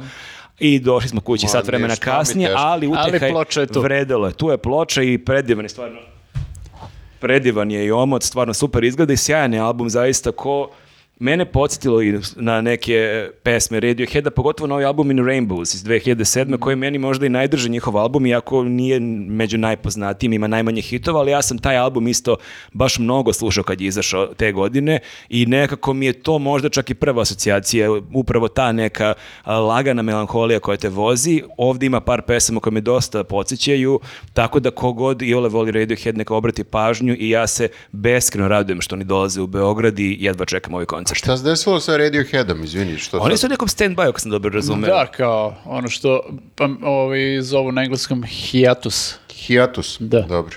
Da, pa dobro, da, nje- mi smo već Toma Jorka gledali u Srbiji pre par godina, bio je na Exitu u onom projektu Atoms for Peace i to isto bilo, mislim, Naravno da bismo verovatno svi najviše volili da gledamo Radiohead, ali ovo je najbliže Pa tome. šta ćeš ako nema, ali nema. gledati njega, ne znam sad kako on nastupa uz ovu muziku, ali ja se sećam da sam gledao iz prvih redova, on je mene hipnotisao. Tu je bio pored Flea koji je kao iz Peppersa, isto legenda, ja njega maltene nisam ni gledao, jer Tom York tako pleše, on tako hipnotišuće deluje na bini, takav glas ima, stvarno glas ko anđeo, tako da jako se radujem što ću ga ponovo gledati i jedva čekam. Si uzeo karte? E, jesam, jesam. Ono, pa vidio sam da izašlo je i to su karte uzimaju, ne znam, njih vratno neki Rusi dovode. Ja nisam nikad čuo, ja od- odem na Ticketrs, ne znam, eventim, nigde nema. I onda vidim na, na Instagramu link gde se kupuje kartu i nemam pojma koji je to sajt. Tako Ko da, zna šta Ima nekih kupio? novih. ima da. nekih novih, Da. jer bila je priča da je tipa 30-40% karata već otišlo i rekao, ajde da ja kupim kartu, pa čak ako i ne budem u Beogradu prodaću, ali bolje to nego da ostane bez karte. Da, cool. Apelujemo da svima daju karte. ok. da imamo mi na, naš nastup da smajla, da mi vodimo 30 ljudi samo za nas negdje u nekoj maloj sali. I jel- Dobro. prelazimo na knjige. Možemo na knjige. Pa da. može, šta ćemo? Viktore, kakvo kapitalno delo koje si doneo? Ja sam mislio da je Biblija. Pa nije Biblija, još je lepše od toga. Sme to da se kaže. lepše od Biblije, nešto. E, pogledajte kakav povez. Ja ovo nisam vidio nikad. Zlatotisk. Ovo Se ovo postoji zove Zlatotisk? News Teleshop, uh, recimo. Ne, zlatotis, Ludilo. da, dobro, zlatotisk je kad su slova zlatna. Nema veze, nazvat E, ćemo ali- i ovo. Ne, ne, da niko, E, ne, voli, niko ne voli štrebere. Zlatolist. Zlatolist E. je ovo i ima ovo tačno da okreneš koje hoćeš poglavlje, ima rupicu za prstić. Da se tako izrazi. E, Knjiga se zove Keep Scrolling Till You Feel Something i to je u stvari zbirka tekstova sa, sa satirično humorističnog sajta McSweeney's Internet Tendency koji postoji od ne znam nija koje godine, ima već 20 i nešto godina. Oni su u stvari, McSweeney's je izdavačka kuća koja izdaje ne samo komediju, nego razne, razne neke ovaj, druge žanrove. Međutim, sajt im služi kao eto njihov satirični ventil u svet, e, gde obrađuju razne društvene, uglavnom popularne e, teme i ti možeš da se prijaviš, pošalješ. Mnogi poznati pisci e, komedije su im slali e, tekstove i oni su to objavljivali i jako je dobar sajt. Ima i jako smešnih tekstova. Zna- Znači sve ove tekstove što vidite u knjizi, odnosno što se nalazi u knjizi, možete da ih pročitate besplatno na netu. Eto, to je, mislim, ako je malo zeznuto doći do, do knjige, ovaj, ne morate da se mučite, ali e, meni je baš onako neki... Nisu satirične vesti u pitanju, znači nisu nam konkurencija. U, dobro je. Pošto mi nemamo, mi nemamo ovakav da. povez. Ako ste se uplašili, evo samo ću A vam... o čemu pišu, recimo? Pa evo, sad ću vam navesti. Baš je, baš je ovaj, e, ra- raznolike su teme, ali uvek se trude da bude neka mešavina neke pop kulture i nekih društvenih e, fenomena. Baš sve što ti padne na pamet i uglavnom su u formi nekih e, sastava, da li iz prvog lica, da li iz, e, e, e, ne znam nija, kao lista neka, da li kao uputstvo i tako. Ali uglavnom je nešto što, evo, na primjer, jedan od tekstova je uh, TripAdvisor.com reviews uh, Jack, Jekyll and Hyde bre- bed and breakfast. Znači imaš e, komentare ljudi koji su u tom izmišljenom bed and breakfastu koji drži Jekyll slash Hyde ostavljali komentare nakon provedene noći kod njih i onda vidiš kako komentari postaju sve više i više, kao, sve manje i manje vide dr. Jekylla, a sve više i više vide Mr. Hyde i onda komentari postaju sve gori i gori. E, onda, na primjer, imaš, ovo moram da pročitam, jedan, jedan pasus. Uh, we are the family in the photo that came with your new picture frame. Aha, iz perspektive porodice koja je na onome kad kupiš, jel tako, u radnji. Um, kaže, before you remove us from this frame and replace us with a picture of yourselves, I want to take a nice, I want you to take a nice long look at us. We are gorgeous. What are the chances that your family is as happy and aesthetically pleasing as us? I'd have to say 4% tops. I tako dalje. Uh, I još jedan tekst moram da navedem, ovo je omiljeni tekst uh, Mašin sa tog uh, sajta. Pisan iz perspektive, ako ste gledali moje pesme Moji snovi, nekada davno, Davno. Uh, ima ova jedna baronesa koju kapetan uh, uh, uh, von Trapp ostavi zbog ove uh, Marije, koja je glavni lik. Uh, Julie Andrews, ne znam koliko se sećate. Jako sam, za, možda čak i nisam ni gledao sad. Kad Uglavnom, da se setim. baronesa, pošto je brak na kraju između njih dvoje otkazan, on je otišao za ovom uh, Marijom, baronesa sad obaveštava sve zvanice sa svoje svadbe.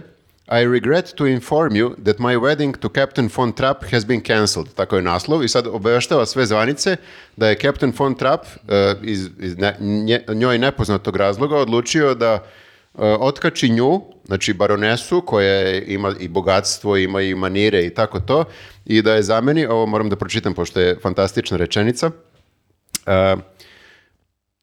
uh, Evo ovako. It seems Captain von Trapp and I misunderstood each other. I assumed he was looking for a wife of taste and sophistication. Instead, he wanted to marry a curtain-wearing religious fanatic who shouts every word she says. Ako se sećate iz filma, to je mnogo smešno. Ali, uglavnom, ove sve su tako neki, iz perspektive, manje očekivane perspektive napisani neki ili sastavi ili liste. E, jako je dobro i ima na stotine tekstova. Između ostalog, i neki jako poznati glumci su e, slali svoje tekstove. E, Jesse Eisenberg, ako... e, Da, ovaj, uh, on ima isto svoj, svoj- svoje neke tekstove na sajtu. Tako da, jako mi je to zanimljivo i eto, meni je baš onako velika preporuka za nekog ko voli tu vrstu humora. Isto je, jel tako, nije baš prava knjiga, nego više zbirka, može se čita kako god hoćeš, koju god hoćeš stranu okreneš, nasmejaćeš se. Je, super, super delo je. A i baš je lepa ovako. da, Lepa, lepo je, prelepa. lepo je i za policu, Znači, zlatolist. da. Mm, Zlatolist. Prosto da ovo bude knjiga koju nećeš da staviš ovako u policu, nego ovako, da ti bude zlatna. Da, evo, ovako ću da stavim. Pa da. Ok, ne znam što smo ovo morali da odradimo, ali ajde. Nismo morali, ti si odradila. Ma dobro, izbacimo. Ne znam šta je bi. Nenade. Nenade, šta si ti E, čitao? To je nedostatak kafe. E, ja ću pomenem dve stvari, uh, jednu knjigu i, i jednu grafičku novelu. Grafičku novalu. Uvijek Mora da bude poseban, on čita grafičke A novele. nije, nego... Dobro. Pa dobro, ajde jedno. Možda zapravo i jesam poseban. kažete. Ovaj, da, čitao sam knjigu uh, Ko su oni bili, uh, Gabriel Krause je autor i dokaz izdavaštvo je objavio kod nas. Uh, knjiga je onako dosta zanimljiva, mislim stoji ovde kao opis na naslovnoj pakle na pomoranđa 21. veka, ne znam baš, ali kao da, ima malo tog uh, ovaj, uh, senzibiliteta, ovaj, uh, zanimljivo je što je ono zapravo autobiografija ovog lika, Uh, on je sin poljskih doseljenika u Londonu. Žive u nekom delu Londona koji se zove Južni Kilburn i to je onako jako zajeban deo Londona, prepun nekih ono kriminalaca, svakojakih ono ovaj, nevolja i on je prosto deo svega toga I on opisuje baš iz prve ruke sve te nepodopštine koje je radio, između ostalog je ono pljačko ljude, ovaj, ubadao nožem, svašta nešto, mislim, To je taj onako- deo paklene pomoranče. Jeste, baš onako i mislim, e, liči na paklenu pomoranđu ta neka, ovaj, taj neki način na koji oni uzimaju zdravo za gotovo e, ljudski život i ponašanje prema drugim ljudima i tu ta nemilosrdnost kao gde ti e, čak možda mi se čini da su ovi u paklenoj pomoranđi kad su jel dopali e, šaka policiji, oni su malo i kao počeli da se preispituju i da razmišljaju o tome, a ovde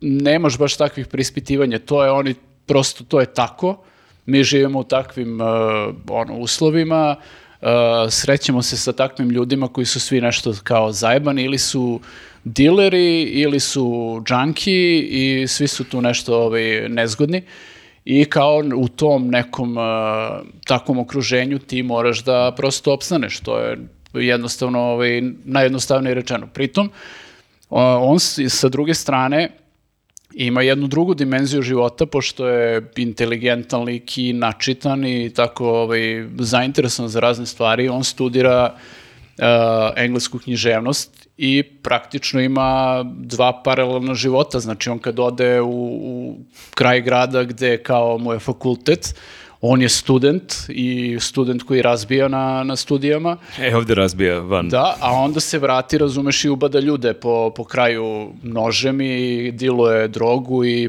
p- ono pretuče nekoga bez ikakvog razloga i pljačka ljude na ulici. Ovaj, tako da je ono, prilično je taj neki onako sudar dva sveta u njemu.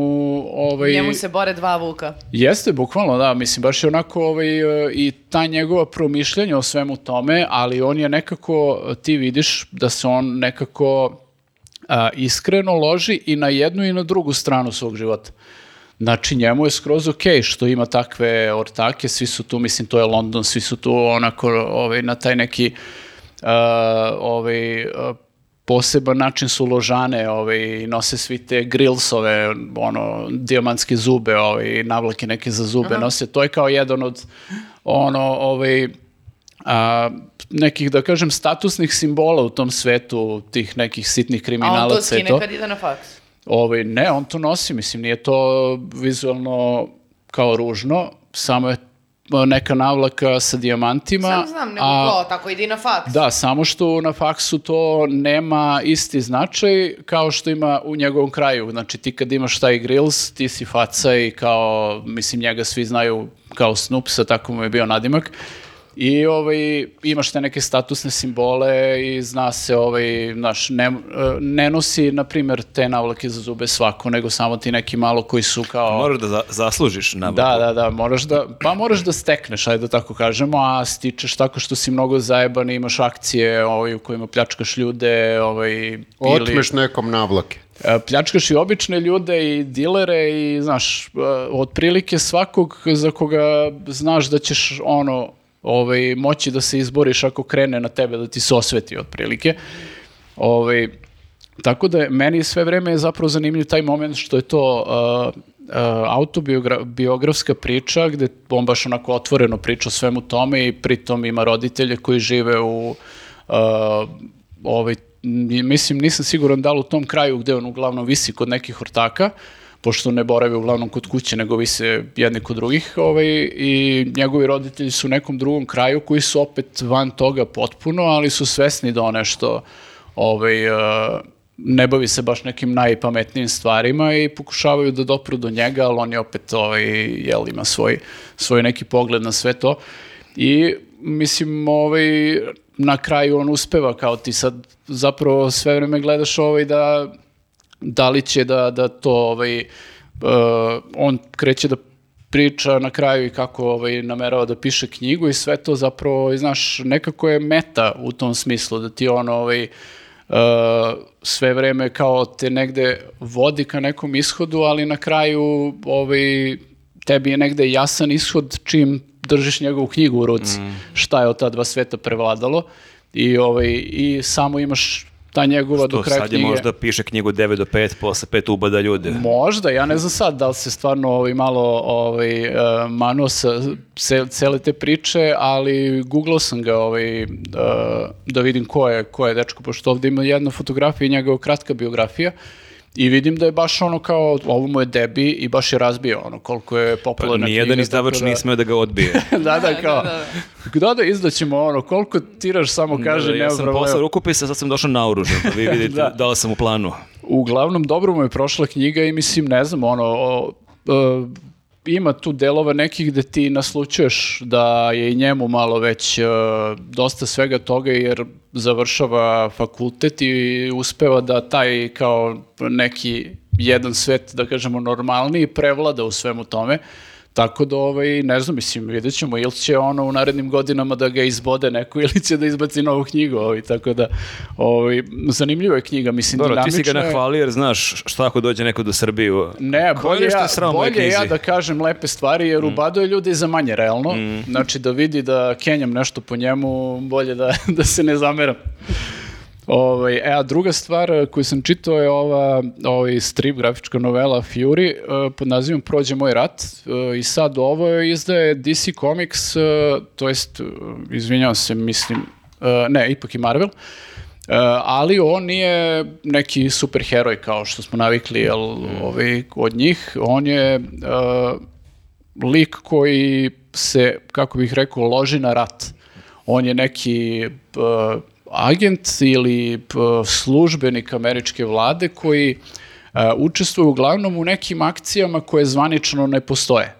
Znači, bilo da je ono akcije ovde je objedinjeno taj jedan serijal od 13 epizoda je objedinjeno u jednoj ovoj knjizi i tu znači pratimo njega koji zapravo nama priča uh, već je to sve iza njega, svi ti ratovi, svi ti neki ovaj, konflikti u kojima je učestvovao, on priča za neku arhivu, snima sebe kao na dik- onom gramofonu nekom, uh, kao neku ispovest piše. vidiš, gramofon.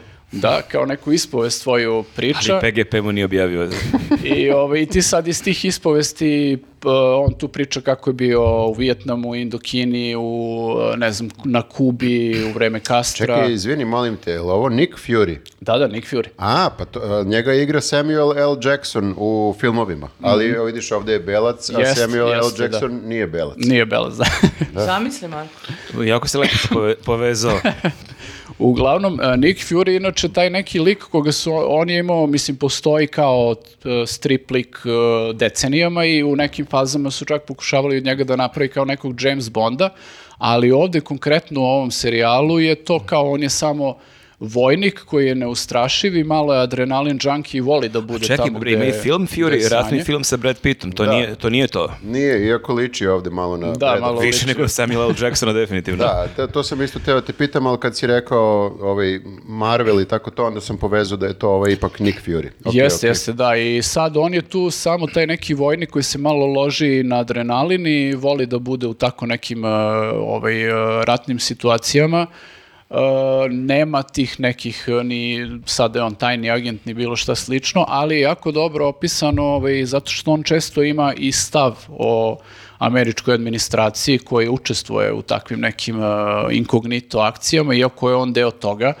Ovaj, ali e, on je onako prilično i objektivan u svemu tome, da tačno govori e, da je Vijetnam najveća katastrofa koju su radili ikad ono i tako neke stvari. Prilično imaš te neke, da kažem, proučene su i neke analize spoljne politike i delovanja ono cije koje je uključeno u sve te stvari i generalno ovaj, američke države. Tako da ovaj, ima malo i tu neku ono kritičku notu. Pa ima i sličnosti sa, sa ovim Punisherom. Ima, da. Koliko da. vidim, da, da, da. Ali, mislim, super je crtež, crtež je radio ovaj, Enis, jako poznat autor, a ovaj tekst je pisao Goran Parlov i to je onako prilično dobar scenario. O, generalno baš je, baš je ovaj, e, dobar strip, Ennis on je radio pričar. da. A, okej. Tako da, eto, to su dve stvari koje Lepo, imam lepo. da preporučim ovog puta. Ili sad ti završaš knjigu sad ovde? Da, da, da. E, da, bez brige neću da spojlujem, nisam završila do kraja, nisam stigla do kraja, tako da sam mirna, mogu baš opušteno da pričam. U pitanju je Ethan Hawke, svetli tračak tame. Glumac. Da. A, ja nisam ni znala, on zapravo napisao nekoliko romana i ovo mu je kao jedan od... uh, ovo je prvi roman koji je uh, preveden na srpski jezik kod nas. A, I radi se o, o liku koji uh, započinje pozorišni proces uh, na Broadwayu, uh, u pitanju je uh, Henry IV. Šekspirov, um, ali u tom trenutku njegov brak se raspada, uh, tim kao i njegov život, zato što je uhvaćen da je prevario svoju ženu, koja je takođe neka muzičarka, superstar, ovo ono, imaju dvoje dece. I uh, zanimljiva je knjiga u tom smislu što s jedne strane, posebno ako gotivite pozorište, a ja, zamislite da, a, mi je bilo zanimljivo da m, čitam o tom njegovom procesu stvaranja lika i na kraju dana izvođenju te, te predstave. A, m, mnogo je lepo kakve uvide ima i kako opisuje uh, to kroz šta prolazi, kako je na sceni, kako radi ovo, kako radi ono. A, sviđa mi se i način na koji je analizirao svoj odnos sa ženom, od onog očajnog i jadnog do vrlo uh, kao nekako svesnog šta se desilo.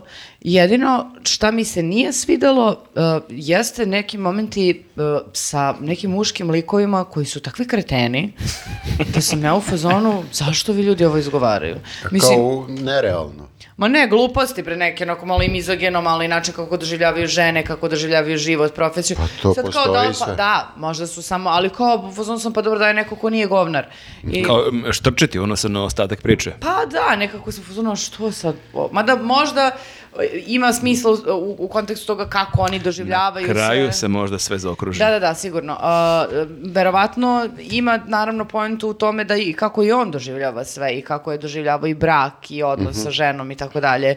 I uh, kako sada nekako ulazi iz nekih ono besmislenih odnosa samo eto da da, da proleti jer je sjeban, ali mi je nekako bilo jako lepo i uh, prijela mi je knjiga dok je čitam, znaš, kao, uh, ide mi jako sporo zato što kad uzmem, onda kao pročitam tipa ono 100 strana, 50 strana, a i onda je ostavim i onda me nema dve nedelje, ali kad uze, krenem da čitam ne mogu da se zaustavim, ali dok se nateram i zato sam stigla do eto pola, ali ali lepo piše, lepo piše čovek, stvarno onako baš sam nisam uopšte znala šta da očekujem i bilo sam, pa što da ne probam, mislim. A čekaj, zar nije beša on, ako sam dobro razumeo, ona trilogija čuvena pre svitanje Mhm. sumraka, zar nije i on tu bio ko scenarista? Mislim, nije toliko iznenađenje da on piše. Ja to Pa nikad ne nisam znam. odgledao. Stvarno. Nisam, nisam, majke mi. Znam šta je sve i znam da je kao super i sve, ali nikako da, ono, sednem i po... Eto, Pa sam- pogledaj, A evo da. kaže, režirao je i tri igrana, jedan dokumentarni film kao i tri pozorišne predstave, od kojih je jedna rađena po dami Sema Šeparda. Znači, i kao dobio je Baftu, Zlatni globus. Svestran je čovjek dosta. Tony. Da, znači, uopšte nije daš kao nisam imala pojma i onda sam bila u fazonu, pa dobro, daj da kao vidim. I stvarno da, lepo piše, baš je nekako vidi, ono, ima mnogo ljubavi za to pozorište i, i za taj ceo proces i, i magiju koja se dešava na sceni. A čekaj, ali ima, mislim, rekli si o čemu, je, ali ima baš te vozi tokom knjige neka priča, neka radnja ili Tako više je, tako prenosi je. atmosferu? Tako je, znači on uh, dolazi, u, do, nalazimo ga u trenutku kada on kreće na, uh, na prvu probu te predstave i paralelno sa time ti priča šta se desilo Mhm. pre u njegovom životu uh, sa ženom i sa, naravno pratiš ga i kako se vraća s probe, nalazi s kevom, decom, Mhm. E, okej, okej. ženom i tako to. Tako da onako, baš jako, uh, jako lepo i zanimljivo. Pa, top, što se kaže, topla preporuka. Topla preporuka. E, ja sam se Potrudio sam se da budem aktuelan i nisam znao da li će uspjeti da pročitam ovu knjigu jer je ona pre četiri dana od kada ovo snimamo dobila Ninovu nagradu, u pitanju je Stevo Grabovac poslije zabave. Ti, druže, samo sediš i čitaš po ceo dan. Pa znaš šta, e, ne, mada sad jesam... Pogledaj koliko ja nisam jan- mogla pročitam, brate, za mesec dana pogledao. U januaru sam e, dosta čitao. Ja imam tako faze, kao što si pričala e, pre sat vremena to, ja imam fazu da gledam filmove mesec dana, malo više gledam serije, pa malo više čitam. Sad sam malo više čitao i kad sam vidio kolike knjiga sam pomislio nema šanse da pročitam celu do snimanja, ali kao ajde da pročitam barem pola pa ću imati otprilike jer baš sam teo da vidim e, kakvo je ovo delo, ali uspeo sam da je pročitam, e, to za neka tri dana i Znači, knjiga... vozila te. E, jako me vozila, samo e, to sam slično pričao i u prošlom popkastu o Kristijanu Novaku, s tim što i ta knjiga me vozila, ali ta knjiga je nekako, o kojoj sam prošli put pričao, ona zaista ima radnju koja te uvuče i nekako m, napeta je radnja, pratiš rasplet. Ovde nije toliko napeta sama radnja, ali tako te divno nekako uvuče od prvih strana u taj nj- njegov lik e, naratora koji se zove preziv isto kao i autor s tim što knjiga kako piše na kraju ima neke autobio- autobiografske uh, momente, ali nije cela autobiografska. I sad, meni jako zanimljivo, on je dobio Ninovu nagradu i čestita mu i jako mi je drago što je i njegovi, i zbog njegovog izdavača, čije ime nikad ne mogu da zapamtim. To su one neke reči koje... ima ta- Imprimatur. Je, imprimatur. A, da, da, naši prijatelji iz Republike Srpske. Jeste, pozdrav i za Borisa i to je ona teorija u marketingu da kao ako imaš neko jako komplikovano ime, jako teško zapamtiš, ali kao kad jednom zapamtiš do kraja To je to, života da. pamtiš. E, ja ovo nikad zapamtio. Ja sam još uvijek u toj prvoj fazi da uvijek on im pa nešto iz Banja Luke. Tako da, a, velika čestitka, stvarno nije mala stvar dobiti ovu nagradu. Inače, njegov prethodni roman, prethodni roman pre par godina je takođe bio u najužem izboru koje sam tada još i kupio, ali niko da ga pročitam, sad ću definitivno krenuti da ga čitam. I sad meni je jako zanimljivo, dosta se polemisalo na društvenim mrežama i to moram da pročitam, e, obrazloženje žirija Ninove nagrade, ne znam da li ste vi ono videli, Ne. Pa je, E, Da, vidio sam samo neko da je konstatovao da je većina recenzija koje je pročitao mnogo smislenija od obrazloženja žirija. Ne, ne, ovo je bukvalno kao da se neko sprdo. Znači, evo samo da pročitam delić. Poslije zabave roman svedenog stilski raznovrsnog izraza u koji je zaptivena melodija naših nestanaka, kompleksne strukture iz čijih vremenskih distorzija i diskontinuiteta iz lakunije, elipsa, sećanja, izranja lik tišine. Znači, Ništa ne saznaš. Što me nekako. umorila Da, jebote aha. jedna rečenica. ne A bi- ko je, čekaj, ko je to, na- ne piše ko to je žiri Ninove nagrade, ne znam, sad od njih petoro ko je uzeo ovo sročio i sad ja se pitam, ok, ja shvatam da žiri, žiri bilo koje književne nagrade ne može da priča ovako kako mi pričamo. Ali opet, jel postoji neki rečnik između ovog našeg i između ovog nešto što šire mase, ne šire mase, nego šire mase ljudi koji ile čitajući da pročitaju i kažu, o, ovo mi baš zvuči, zaintrigirao si me, imaš moju pažnju. Tako, ali e, postoji drugi problem, e, kad sam čitao malo o ovoj knjizi o čemu je, i plašim se da ja ne upadam u tu zamku, nekako čini mi se da kad se priča o ovoj knjizi, šalje se malo pogrešna slika. Mislim, svi će reći, ja ću reći, ovo jeste knjiga koja u osnovi govori o jednom strašnom zločinu 92. godine u blizini Bosanskog broda gde je oko 20 romske dece ubijeno i to je ubijeno zbog trgovine organima. Dakle, u sred tog rata su u saradnji s nekim strancima lekarima pobili tu decu koja je trebalo da budu prevežena u Evropsku uniju, da budu u nekom konvoju i nekim čudnim spletom okolnosti se tu ne, umešale neke vojske i neki lekari iz inostranstva i oni su pobijeni. I to je još dodatno tu bizarno i strašno što nekako nakon o tom zločinu se ni ne zna mnogo toga, nisam ni zato što svako je gledao svoje žrtve, a kako oni nisu ni Srbi, ni Nisu Bošnjaci, ničiji, ni da. Hrvati, nikog nije bilo briga, svi su se bavili šta su nam oni radili slično, tako da je on odlučio da piše o tome, ali nekako, ne mu kažem da knjiga nije o tome, jeste o tome, ali ja prvi nekako e, nemam, e, nemam želju da čitam tolike knjige ili da gledam filmove koji imaju takvu tematiku. Nekako malo sam isceđen više pričam o ratovima i zločinima i preispitivanjem i mirenjem i nekako baš mi je to odbojno i ja sam, da sam samo na, naišao na ove obrazloženje Ninove nagrade, pogotovo, ali čak i taj opis ne znam koliki bi im bio magnet i zato hoću da kažem da knjiga govori o tome, ali ona je toliko nekako šire od toga, toliko nekako nas on lepo vozi kroz dešavanja, kroz razne godine. Tu imaš, počinje knjiga tako što njega, njemu umire otac i on dobije poziv da njegov otac je bio u logoru u nekom trenutku i on je dosta studiozno pratio, e, pravio razna dokumenta o žrtvama koje je gde je tu bio i imao je neko svedočenje o tom zločinu. I kako je on umro, oni traže od njega da on potvrdi njegovo svedočenje, faktički da ga malte ne overi kod notara da je on to rekao. Tako da on tu negde saznaje za taj zločin i njega to kopka, ali mi možemo da čitamo knjigu i da pošto on ima nešto skoro 400 strana, mi na po 100-150 strana se uopšte ne priča o tom zločinu. Dakle, mi pratimo njegov život i dosta on piše o svom ocu.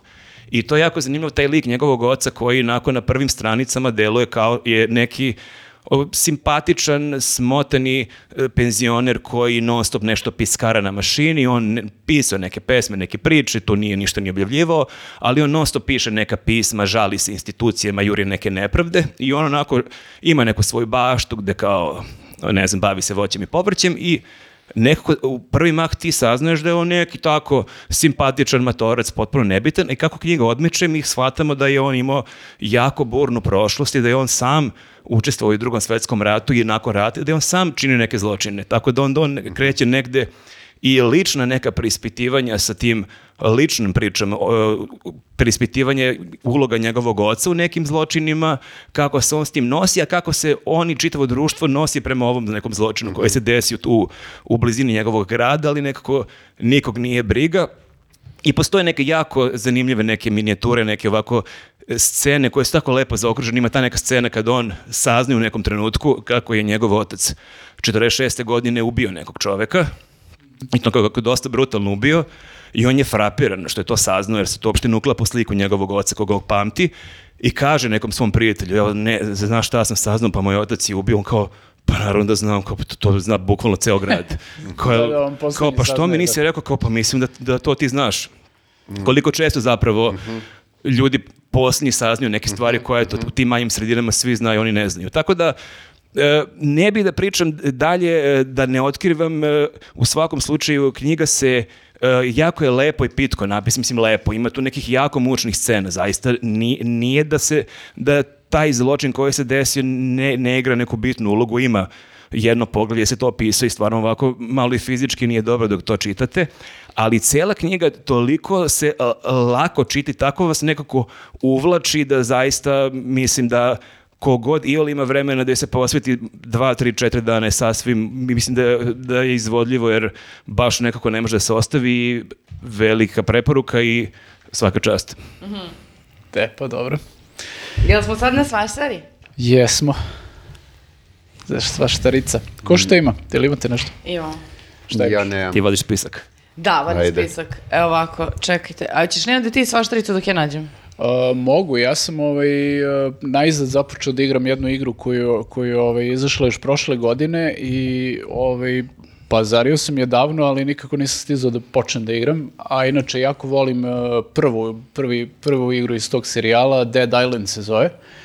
A, ta prva igra, mislim, to je ono, ta neka ono first shooter uh, igra, uh, first person shooter, to jest, uh, gde imaš neku ono epidemiju zombija. Uh, Kao sa- što to obično biva. da, ovaj, i to se u ovoj prvoj uh, igri dešava uh, na nekom ostrvu koje uh, nisam siguran gde se nalazi, ali kao uh, udaljeno je od, da kažemo, kopna i tu je krenulo to ti pokušavaš da se izvučeš sa tog ostrva, da jel, ovaj, uh, uh, dođe informacija o tome šta se dešava na ostrvu uh, do spoljnog sveta, jer na tom ostrvu je potpuni haos i zapravo ti kad uspevaš da uh, prođeš ceo taj gameplay i kad uspevaš da se izvučeš sa ostrva, tu se zapravo završava igra. E, sad ovaj, u ovom novom delu ta neka epidemija ili kako god da je nazovemo, uglavnom došlo je do, do ovog uh, LA-a, ipak. Uh, dešava se 14 godina nakon ove prethodne igre. I uh, imaš LA koji je u potpunosti u karantinu, vojska ga drži pod karantinom i naravno u gradu je ono potpuna havarija, pakao ti... Kao bekstvo iz LA-a. Da, da.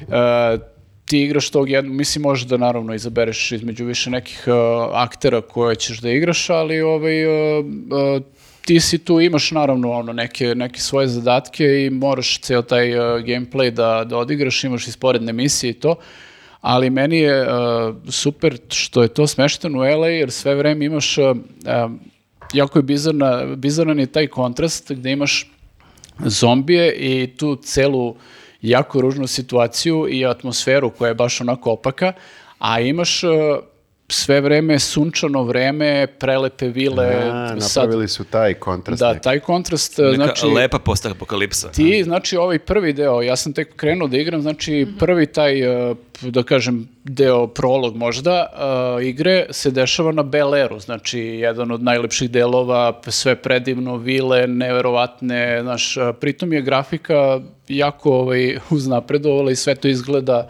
uh, potpuno realistično, ovaj, uh, sam grad. I ti sad u tom prelepom uh, ambijentu moraš da, da se boriš sa, sa zombijima i da rešavaš to, ok, da, da, ako rešavaš se neki zadatak. negde boriš sa zombijima, lepše da je neki lep ambijent Jeste, nego neka ja katastrofa. Sam, ja, ja sam ovaj, krenuo da igram tu igru i skontao sam da me baš drži, verovatno zato što često igre koje imaju, koja god da je, da li se boriš, ne znam, protiv vanzemaljaca, protiv druge vojske, protiv čega god, e, često te stave u neka odvratna okruženja, gde te uvati klaustrofobija, neki hodnici, podrumi, Uh, baš ono često to bude klaustrofobično i malo me to ono već smara. Nije mi prijetno da se borim protiv zombije u Da, da. hodniku. Ovo Malo kao, nekako udobniji ambijent. ja, tako ja kao jedan meteoropata, mnogo mi je lakše da se bijem sa zombijima kad je lepo vreme. Ma jeste, eto, vidiš lepu arhitekturu, vidiš neki lepe Secesiju spomenike, secesiju Jeste, vidiš. uđeš, ne, uđeš ono u hotel, na primjer, neki ili u uh, neke vile gde moraš da, da nađeš neke ključeve, na primjer, to ti je zadatak. Uh, uđeš u vilu kao, jeste da je sve krvavo, da su delovi tela na sve strane, ali, brate, lepa vila. Bože me, sačuvaj. me. Znaš, vidiš lepe ovaj, uh, komade Ako nameštaja. ima slike neke lepe na zidu. Imaju lepe slike, da, baš je Krvave do onako... duša, ali lepe. Razne A- komade, vidiš. Kao je Jackson. Pollock, a ne, nije prsko, nego je krv. Da, uglavnom, e, ja sam ja, e, mislim, to je jedna od prvih igara koje sam ja i taj prvi deo, kad sam ovaj, nabavio konzol, jedna od prvih igara koje sam igrao je zapravo bila ta Dead Island, taj prvi deo i onako malo sam i, e, da kažem, emotivno vezan za nju, tako da sam jedva čekao ovaj nastavak i mnogo je dobro urađeno u smislu grafika je baš onako E, to sam a, teo da te pitam, jel to sad, pošto viđam neke, da izlazi neki novi engine, tipa Unreal 5 Unreal ili Engine, tako da, nešto, novi, da.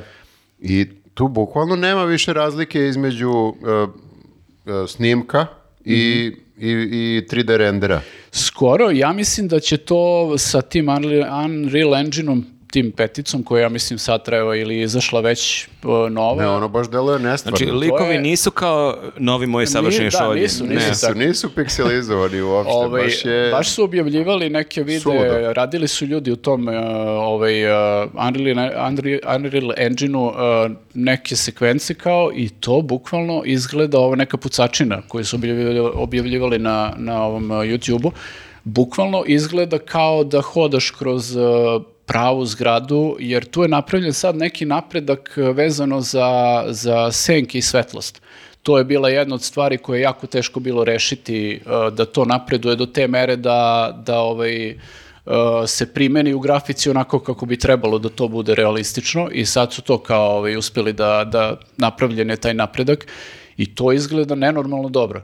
Ja sam igrao sad skoro uh, za Matrix su radili samo kao neki uh, demo u tom, toj petici to izgleda potpuno nestvarno, grad, ulice, znači, mislim, ne nestvarno, nego zapravo ono full stvarno izgleda. Kad vidiš ulicu, to je ono, bukvalno kao da si, da si ono na TV snimku, ne, ne u igri. Baš je ovaj, sve to dosta napredovalo, tako da mislim da će tek da budu, kad budu krenuli ozbiljnije, mislim više te, da rade ovaj, u tome ove igre koje tek dolaze, da će to biti baš onako skok u, u A grafici. još ako ubace jednu stewardessu koja ne gleda u kameru. U, da, tu će da pokidaju, da.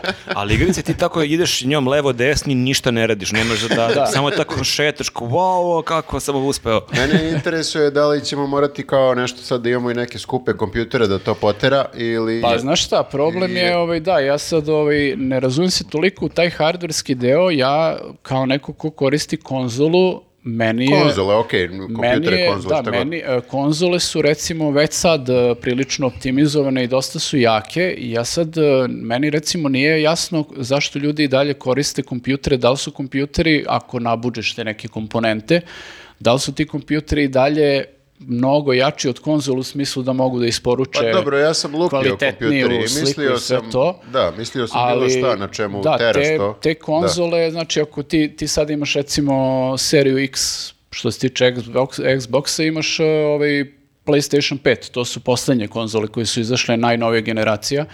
Uh, ti na tim konzolama igrice izgleda, izgledaju neverovatno dobro. Da, nema šta- nema šta ne može da- Hardverski je to na vrhuncu, znaš, i ovi koji prave igre, developeri, oni prate uh, konzole u smislu da to bude optimizovano kako treba za konzole, posebno se optimizuje za kompjutere, ali ne znam, mislim, ja ne znam kako izgleda na nekim mnogo dobrim kompjuterima, recimo neka igra, ali na konzolama stvarno to izgleda perfektno, na ovim najnovijim.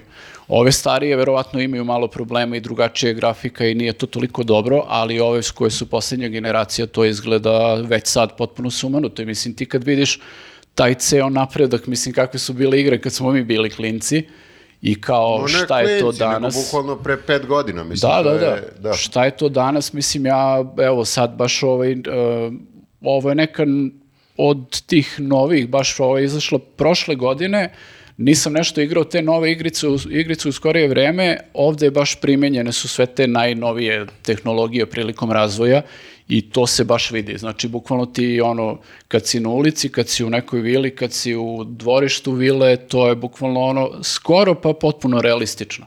Baš izgleda ono, nevjerojatno dobro. Nema tu dušu kad se ne, ne snimi na 12, 12 disketa. Da, da, da, to. Žao mi je, Nenade, nisi me ubedio.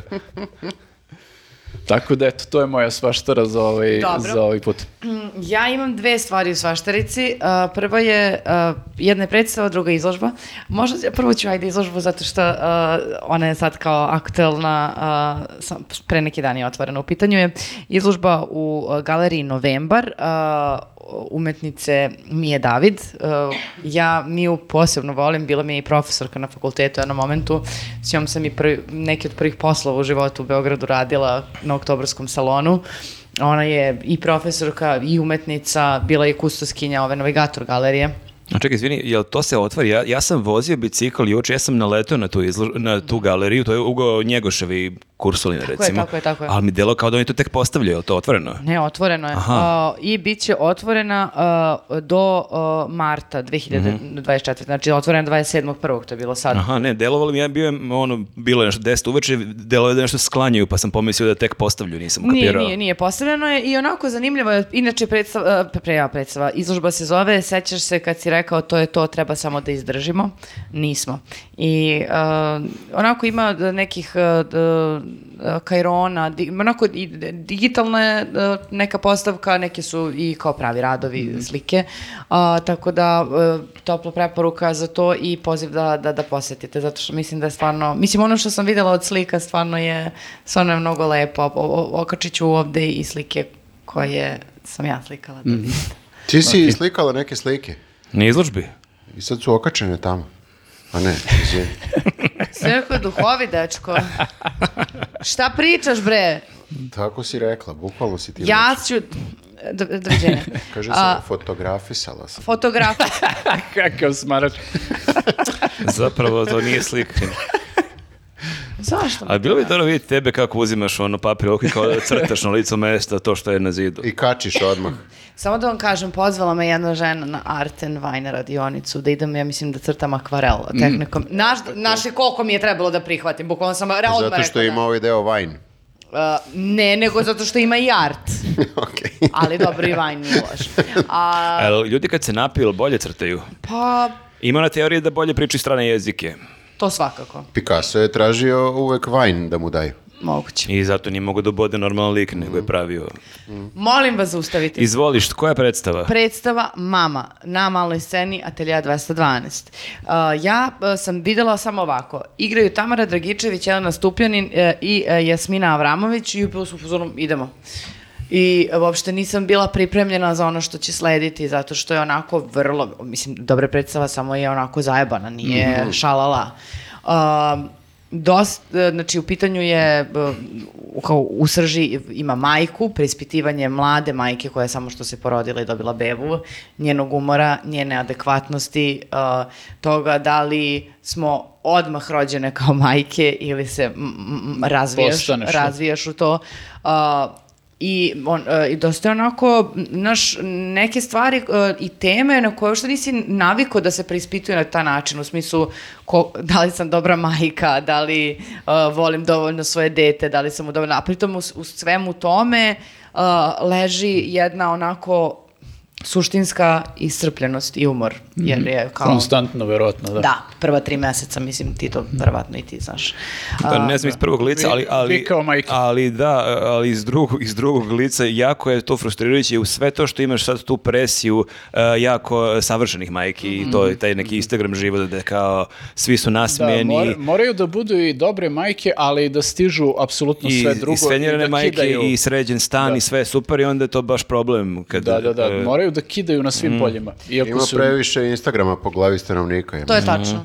Ja mislim da su to nereal, taj teror savršenosti i teror sreće, što bi rekla, um, i pozitive. uh, ja to stvarno ko može svaka čast, ali sklonite se od mene. Mislim kao, vrlo je okej da budemo sjebane. Ma ja bre koji nisam majka kad vidim one savršeno srećne i nasmijene parove svaki dan kao ajde bre niko, nije, niko bre nije ovoliko srećen koga vi I zajebavate. kad se onako svi obuku isto, pa se slikaju u nekom studiju. Ja sam u fazonu, zašto? Jel to za gloriju? Pa to je Vašu da im privatnu. ostane da jednom kad se vrate kući, kad ono, Kad budu su umorni da gledaju musavi, tu sjebani, usrani i neispavani, da onda gledaju to. Pa moguće. Ali da se Pa vratimo možda na ovo. vole da muče druge ljude, znaš. Ove, o, ova predstava onako odlazi baš, uh, u- ne, mislim mogu kako kažem u krajnost, nego onako uh, postavlja neke, neka pitanja koje te onako malo šokiraju i uznemire, zato što nije samo od kao da li ja volim dovoljno svoje dete da li sam dobra majka, nego što sam spremna sve da uradim tom istom detetu. A jel sve tri glume svake majke ili Ne, jedna Tamara majka? Je? Tamara je majka, a, Jasmina Avramović je uh, svekrva, ona je majka od uh, muža koji se ne pojavljuje i Jelena Stupljan igra uh, prijateljicu koja je, na primer, i uh, sad sam, sam je, ne znam da li je uh, advokatica ili dok, ta- tako i ne- neke uh, profesije, a sad sam je stao mozak, ne mogu da se setim. No, ne, dobro, dobro. Nema, nema, nema, nema. U svakom slučaju, stvarno, uh, Nebojša Bradić je reditelj. uh, odlična je predstava, uh, samo nije nešto što ćete sada odeti da se smejete, nego ćete onako Nije malo da good. vam se... Pa, d- d- f- pa feel good je u smislu da ti malo otvara mozak i da ti ber- kad vidiš tu fazon si pa dobro da ni Ok, da ne budeš savršen. i da, naš, Konstantno, e, da. i da to što ti je prošlo kroz glavu da je prošlo još nekome, nego samo niko ne sme da izgovori i onda svi mislimo da smo usamljeni slučajevi u tim, e, tim e, stvarima. Pogledajte, možda samo nije dobra za to. Prvi dejt. Drugi, treći dejt. Ja sam tu napravila možda grešku. A, ali preživeli smo i išli smo opet u pozorište, Ne. tako da je e, sve okej. Odlična je Odmah predstava. treba, na početku, odmah treba sve da istreseš i onda to je test. Full crazy dve shit. škole mišljenja. Dve škole mišljenja, toga čekaš godinu dana, ne, odmah, dinge, dinge, dinge, ako je i dalje tu, znači ima nečeg. Maki, ti znaš da sam jedna kraljica diskretnog doziranja ludila u prvih mesec dana. Ne, ne, I treba... onda se opustim. Ne, ne, ne treba ta ludilo e, razvući. Sabiješ ludilo mesec dana i kad to prođe, e, idemo Jeste, sad. jeste, jeste, ako to preživi, onda sve, i onda i stvarno čovjek je preživio i rekao je, sljedeći put super je predstav, kao sljedeći put možda samo, ili Neki da me, musical ako ili da može. me pripremiš, jer ja uopšte nisam ni pročitala, niti sam ja njemu rekla, sam bila u fazonu, da. Pa čekaj, ali glumice, predstava, mislim, ali čekaj, predstava, zove se majka, mama. mama, u Pa- ateljeu, znaš kao, mislim, šta možda bude loše, ako Ali i ako tužna je predstava je predstava- dobra predstava. Pa, ali ako je mama, jasno je da je možda u tom nekom Da, ima pravcu. ovaj... Ne treba bežati od tu, tuge i tužnih e, tema i prizora. Moramo se suočavati sa svime. Ne možemo samo ha, ha, ha, ha, ha, ha. Pa molim vas. Ne, ne, samo pričamo o prvom drugom dejtu. A, ali ima, ja sam Dobro, ovaj, da. počeo da gledam jednu seriju, možda je pomenu u nekom od narednih, nekoj od narednih epizoda, zove se Working Moms. I ta serija traje već neko vreme, samo što sam ja tek sad ukačio i govori baš o tim stvarima i uh, ja sam pogledao tek nekoliko epizoda i komedije. Mislim, nije to teška priča, ali isto vidiš sve te stvari, mislim, kakve dileme ljudi imaju i kao sve su to uh, dileme koje verovatno svaki roditelj ima, ali baš to kao možda se ne priča o tome pa kao misliš da si usamljen u svemu, u svemu tome, ali zapravo svi imaju neke iste ili slične probleme. Kako ne? I, E, ovaj, ja i sam- jako je zabavna serija, mislim, ovo do sad što sam pogledao, ovaj, prilično vozi. Ja sam čula za tu seriju, ali uh, sam se setila sad kad si to pričao, baš ću da podelim, ima na Instagramu jedna žena, mislim, ja sam to zapratila, iako majka nisam, ali ver- verovatno će nekad biti, pa čisto da se pripremim. Znači, žena bukvalno na, sa očenom facom snima Reels. I u fazonu je... Seća- Ljudi. Sećate se kada se ono vaši mali anđeli koji se jutro susreo u život zato što je uradio to i to, dok je ovaj drugi toddler a pao na glavu i razbio vilicu. I mislim ja sada sedim u urgentnom i samo da kažem da preživet ćemo i ovaj dan i onda uvek na kraju ima kao uh, an eat a cookie. Znaš kao, sad kao obriši govna svoje sa svoje face, je, umi se i, i pojedi neki kuki. I kao, i super je zato što je kao, kao koga lažete non stop, da je, mislim, znaš, mnogo je, uh, Uh, mnogo je značajnije da se jave uh, glasovi i, i, i uh, ne, ne sumnjam da su ljudi srećni, da to nije tačno, mislim, naravno, ali kao, mnogo je značajnije dati malo onu drugu stranu koja meni je, nije... Meni je smešno sad iz ugla očeva kad eh, vidio sam na Facebooku pre par godina neki priča o svoj deci kako dođem kući s posla i onda sa svojim decom provedem 2-3 sata kvalitetnog vremena. E, to mi je bilo baš, tako mi je ta fraza bila triggerovala, ok, šta je kvalitetno vreme i kako ti znaš unapred da će ta 3 sata biti kvalitetno vreme? Mhm, Tako da to je taj teror sreće i uspeha baš, baš je dosta iritirajući. Da, da, moraš da kidaš na, ono, na svim poljima. Jeste, tako da a, ja bih da preporučim jedno kvalitetan podcast, jedno kvalitetno gostovanje.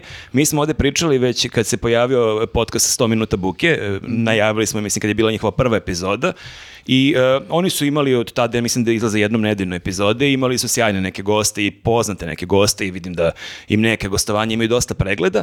E, nedavno su objavili jedno gostovanje koje nema mnogo pregleda zato što verovatno taj gost nije toliko poznat ni imenom i prezimenom ni e, likom, pa nije toliko možda kliktabilan i zato bih želeo da skrenem pažnju. U pitanju je Đorđe Matić.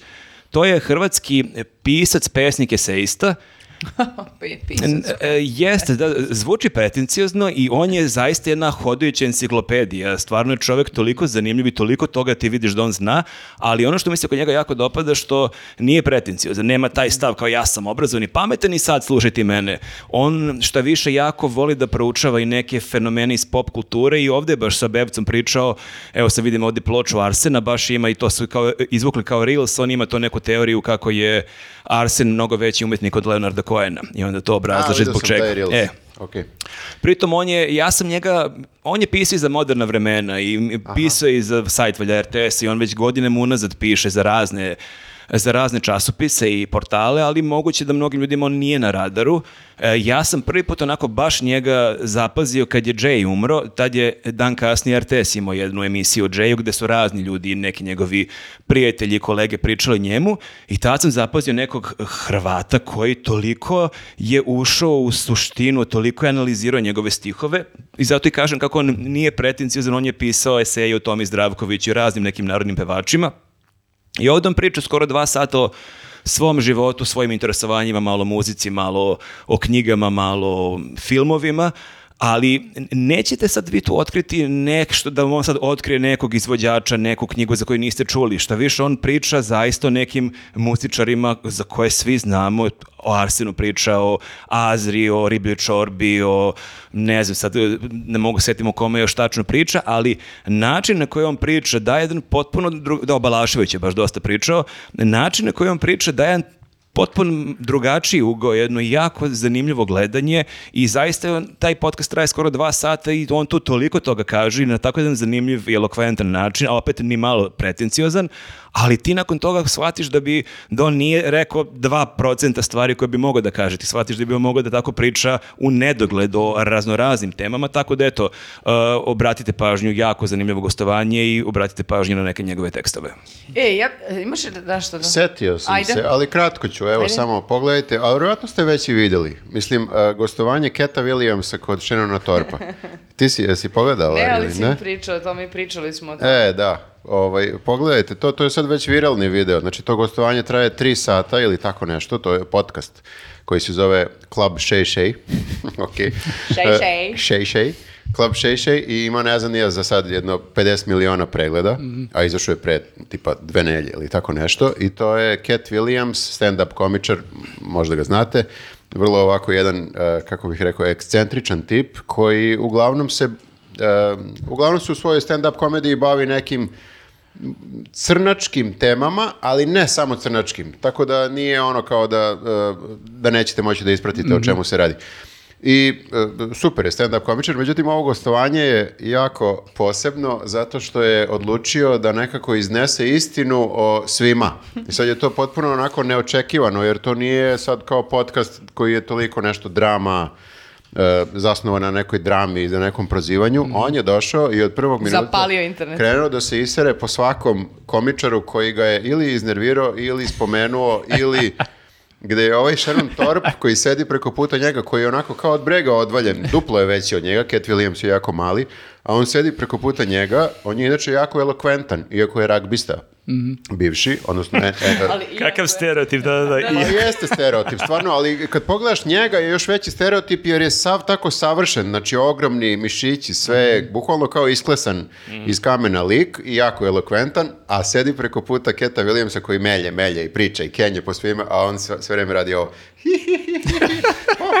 oh lord, oh lord, Cat, please stop. A čekaj, jel, ti si nam pričao Beču, jel tu ima ona teorija da svaki crnac mora da, Da. bi Da. postao... E, da, ja is- samo ispričaj taj detalj. E, detalj Keta Williamsa, to je neka njegova teorija, ne samo njegova, to sam čuo i od Davea Chappella u nekom trenutku, u nekom starom intervju, da postoji neka zavera, sad opet, e, e, verovatno belih producenata, možda ne samo belih hollywoodskih producenata, da pokušavaju da unize crnog čoveka, jakog crnog čoveka, tako što će ga u nekom trenutku karijere naterati da se obuče u žensko i da glumi ženu. Što bi rekao Cat Williams, to put him in a dress. I kad ti čuješ to, si u fazonu dobro, ok, Cat Williams lupa, ali onda e, on nabroji koji su sve. da, Eddie Murphy, ono. Eddie Murphy je još i ok, jer kao on je, uh, fora je u tome Da ga to kao lansira. da ga to lansira. Ti ako ne obučeš haljinu u nekom trenutku, nećeš nikad postati zvezda. Aha, zato što si, aha. jeli, crni e, glumac. Eddie Murphy je već bio zvezda kad je obukao haljinu. Aha, to je, okej, na da, njega on se je- ne odnosi toliko. Mogu i da odbije. Konkretno, koga je pikirao najviše, to je e, ovaj Kevin Hart. Kevin Hart. On ga toliko nervira i toliko je u fazonu dok nije obuko haljinu, niko od vas nije čuo za Kevina Harta, a onda sad evo ga u svakom filmu, a i dalje nije nešto preterano smešan, što ja moram da kažem da se slažem. Nije mi nikad Jeste, da, mislim. Da, ja sam njegov, mora se... Malo mi je misterija. Mora se nadovežem, da, njegov stand-up sam gledao i to je još i okej, ali sam dva puta gledao njegova gostovanja u nekim podcastima, ja do sadnijeg čovjeka nisam slušao. To je sat, dva motivacioni govori. On sve vreme bodri ljude, treba ovo, moraš ovo kad uradiš ovo i baš onako kao da gledaš nekog jeftinog life coacha. Eto, tako da to je neka teorija zavere koja ne znam kako, ali ima neke Ali radi. osnove. Neke osnove ima. Znaš, nabroje on tu još neke glumce koji stvarno kad pogledaš jako e, disproporcionalno je koliko kao e, crnaca se oblačilo u haljine naspram koliko belaca se oblačilo u haljine. I sad Schwarzenegger. I pa jeste, ali već je bio zvezda. Ali da bi ga lansiralo, kapiraš? Taj tu moment je bitan. Jer kao ako se To ne... launch, to launch. ako se, ako se ne obučeš, ostaćeš da uvek kao neki anonimus tu. Ali Hollywood, ako te obuče u haljinu... To znači da si zvezda. Niki, spremi se. Pa je li neko demantovo od producenata, ili objasnio u čemu je fora? Ne, ne, nije, Kako nije. da- Pa kako da demantuje? Da kaže, ne, slušajte, to je bilo zamisla da ovo bude belac, ali spletom okolnosti nije. Pak, provalili su nas. ne mogu, ne mogu sad? da, ne mogu da demantuju, jer to je otprilike neko kao maltene tajno društvo, kao neki iluminati u Hollywoodu koji hoće da, kažem, Koji crnog, čoveka da ga, da ga unize, tako što će da igra. Čekaj, da li je Will Smith nekad bio žena? Pokušam da setim, nije. Ne znam, on je možda nije ovaj, on nije... Možda je neko Terali su, a obuku. onda vidim neki stari intervju od Davea Chappella da kažu terali su i mene da se obučem u žensku, pa nisam teo. Onda vidim, uh, ne znam nija koga. Iz Bad Boys beš ovaj drugi. E, on, jeste, da. on je, Martin Lawrence, Pa ona Dwayne Brothers. Dwayne Brothers, tačno. Znači ima, iz nekog razloga, Jamie, Jamie uh, Fox, isto. Pritom Dwayne Brothers su morali da glume dve belačke ribe. Znači, nisu čak ni ribe, nego belkinje. Ne znam, uglavnom, ajde da kažemo da je to možda highlight podcasta, ali ceo podcast je jako zabavan na način na koji on to priča i na način na koji ovaj ne može da ga zaustavi da, i neće da ga zaustavi, jer vidi da je se zalaufao Imamo sa svim. blago, imamo... Došao je s namerom, da. Je, ja to kažem, 50-60 miliona pregleda, bukvalno nikad niko nije gle- toliko uspeo da tri sata nečega odgleda u cugu. Mhm. Eto. Super. Pa to je sve za ovu nedelju onda. Ja sam samo tela da, a, a, da čestitam drugarima iz Agelas produkciju koji su objavili nedavno film, a, uradili, radili su dokumentarac sa burtovcima, ludacima koji su trčali 500 km kroz čilensku pustinju. Ne, pazi, ja trčim, ma- ja trčim maratone, ali ovo stvarno ni- ovo nisu normalni. Ja sam gledala one slike, oni ljudi nisu normalni, znači oni trče svuda po celom svetu, ja vidim to, te maratone, malo im je to, nego su, ali pazi ti taj mozak, Mnogo znači oni su 500. uspeli da istrče i da pobede. Oni su bili najbolji. Igra i pobe- Pobedili su i Čileance. Igre i pobedi. To je To je nevjerovatno. kroz e, pustinju, Da, I to u njihovoj pustinji. tako je. Na njihovom terenu. na domaćoj pustinji. Znaju svoju Da, pustinju treba da i se, opet su izgubili. ja ne znam koliko su oni ranije otišli, treba da se i klimatizuješ i na to vreme i na vremensku razliku, to pretpostavljam da nisu otišli dan pre trke, ali Ne. i to samo nije lako da odeš na drugu klimu. I ratni plan su primali mape, pa izučavali, gledali kuda mogu da prođu, jer mislim ti možeš tu da se Aha, a u A u snađeš. kojoj su pustinji trčali? A- Atakama. Atakama. A, e, pa dobro, znaš šta, e, ta pustinja je specifična. Ove, Sad se jer- kaže, to ti je lako. Da, mislim da su oni malo varali. Ja ću stvarno napustim ljude da te prebiju. Znaš ti da ta pustinja ovaj, e, imaš kao neki fenomen gde ovako kamen e, sam ide pustinjom. Šta hoćeš da kažeš, da oni trče i... E, možda su oni samo stali na, Na površinu kamen, na i kamen. onda ih je ta pustinja Samo treba vozila. da nađeš pravi kamen. Da. Šta pričaš? E, ali te pitam, E, Šone, stvarno. ja ću trčati vjerojatno sledeći maraton u Milanu. Ili ima u Milanu neki kamen koji tako isto? U Milanu imaš taksi, uplatiš taksi. To je tačno, ali mislim da, da je to zabranjeno. A, mi ni- nismo napravili ni jedan dokumentarac, nažalost, ali snimili smo se u, kad smo bili u Beču, nismo trčali... To je skoro pa dokumentarac. Nije obavezno da pravimo dokumentarac. Nije, nego to samo kažem, imamo i mi mali dokumentarac iz Beča. Pogledaj. Jeste, a da, nismo najavili, e, naš live podcast je u naredne nedelje, 11. februara u e, Paraćinu, kako se beše zove mesto? Galerija. Galerija. Galerija. Rekli su nam da se izgovara galerija. Galerija. Galerija, Dakle, do- galerija. Nije, nije tržni centar, nego kafić. da dođete onda u galeriju, a mi se vidimo za dve nedelje. Vidimo se. Ćao. Ćao. Ćao.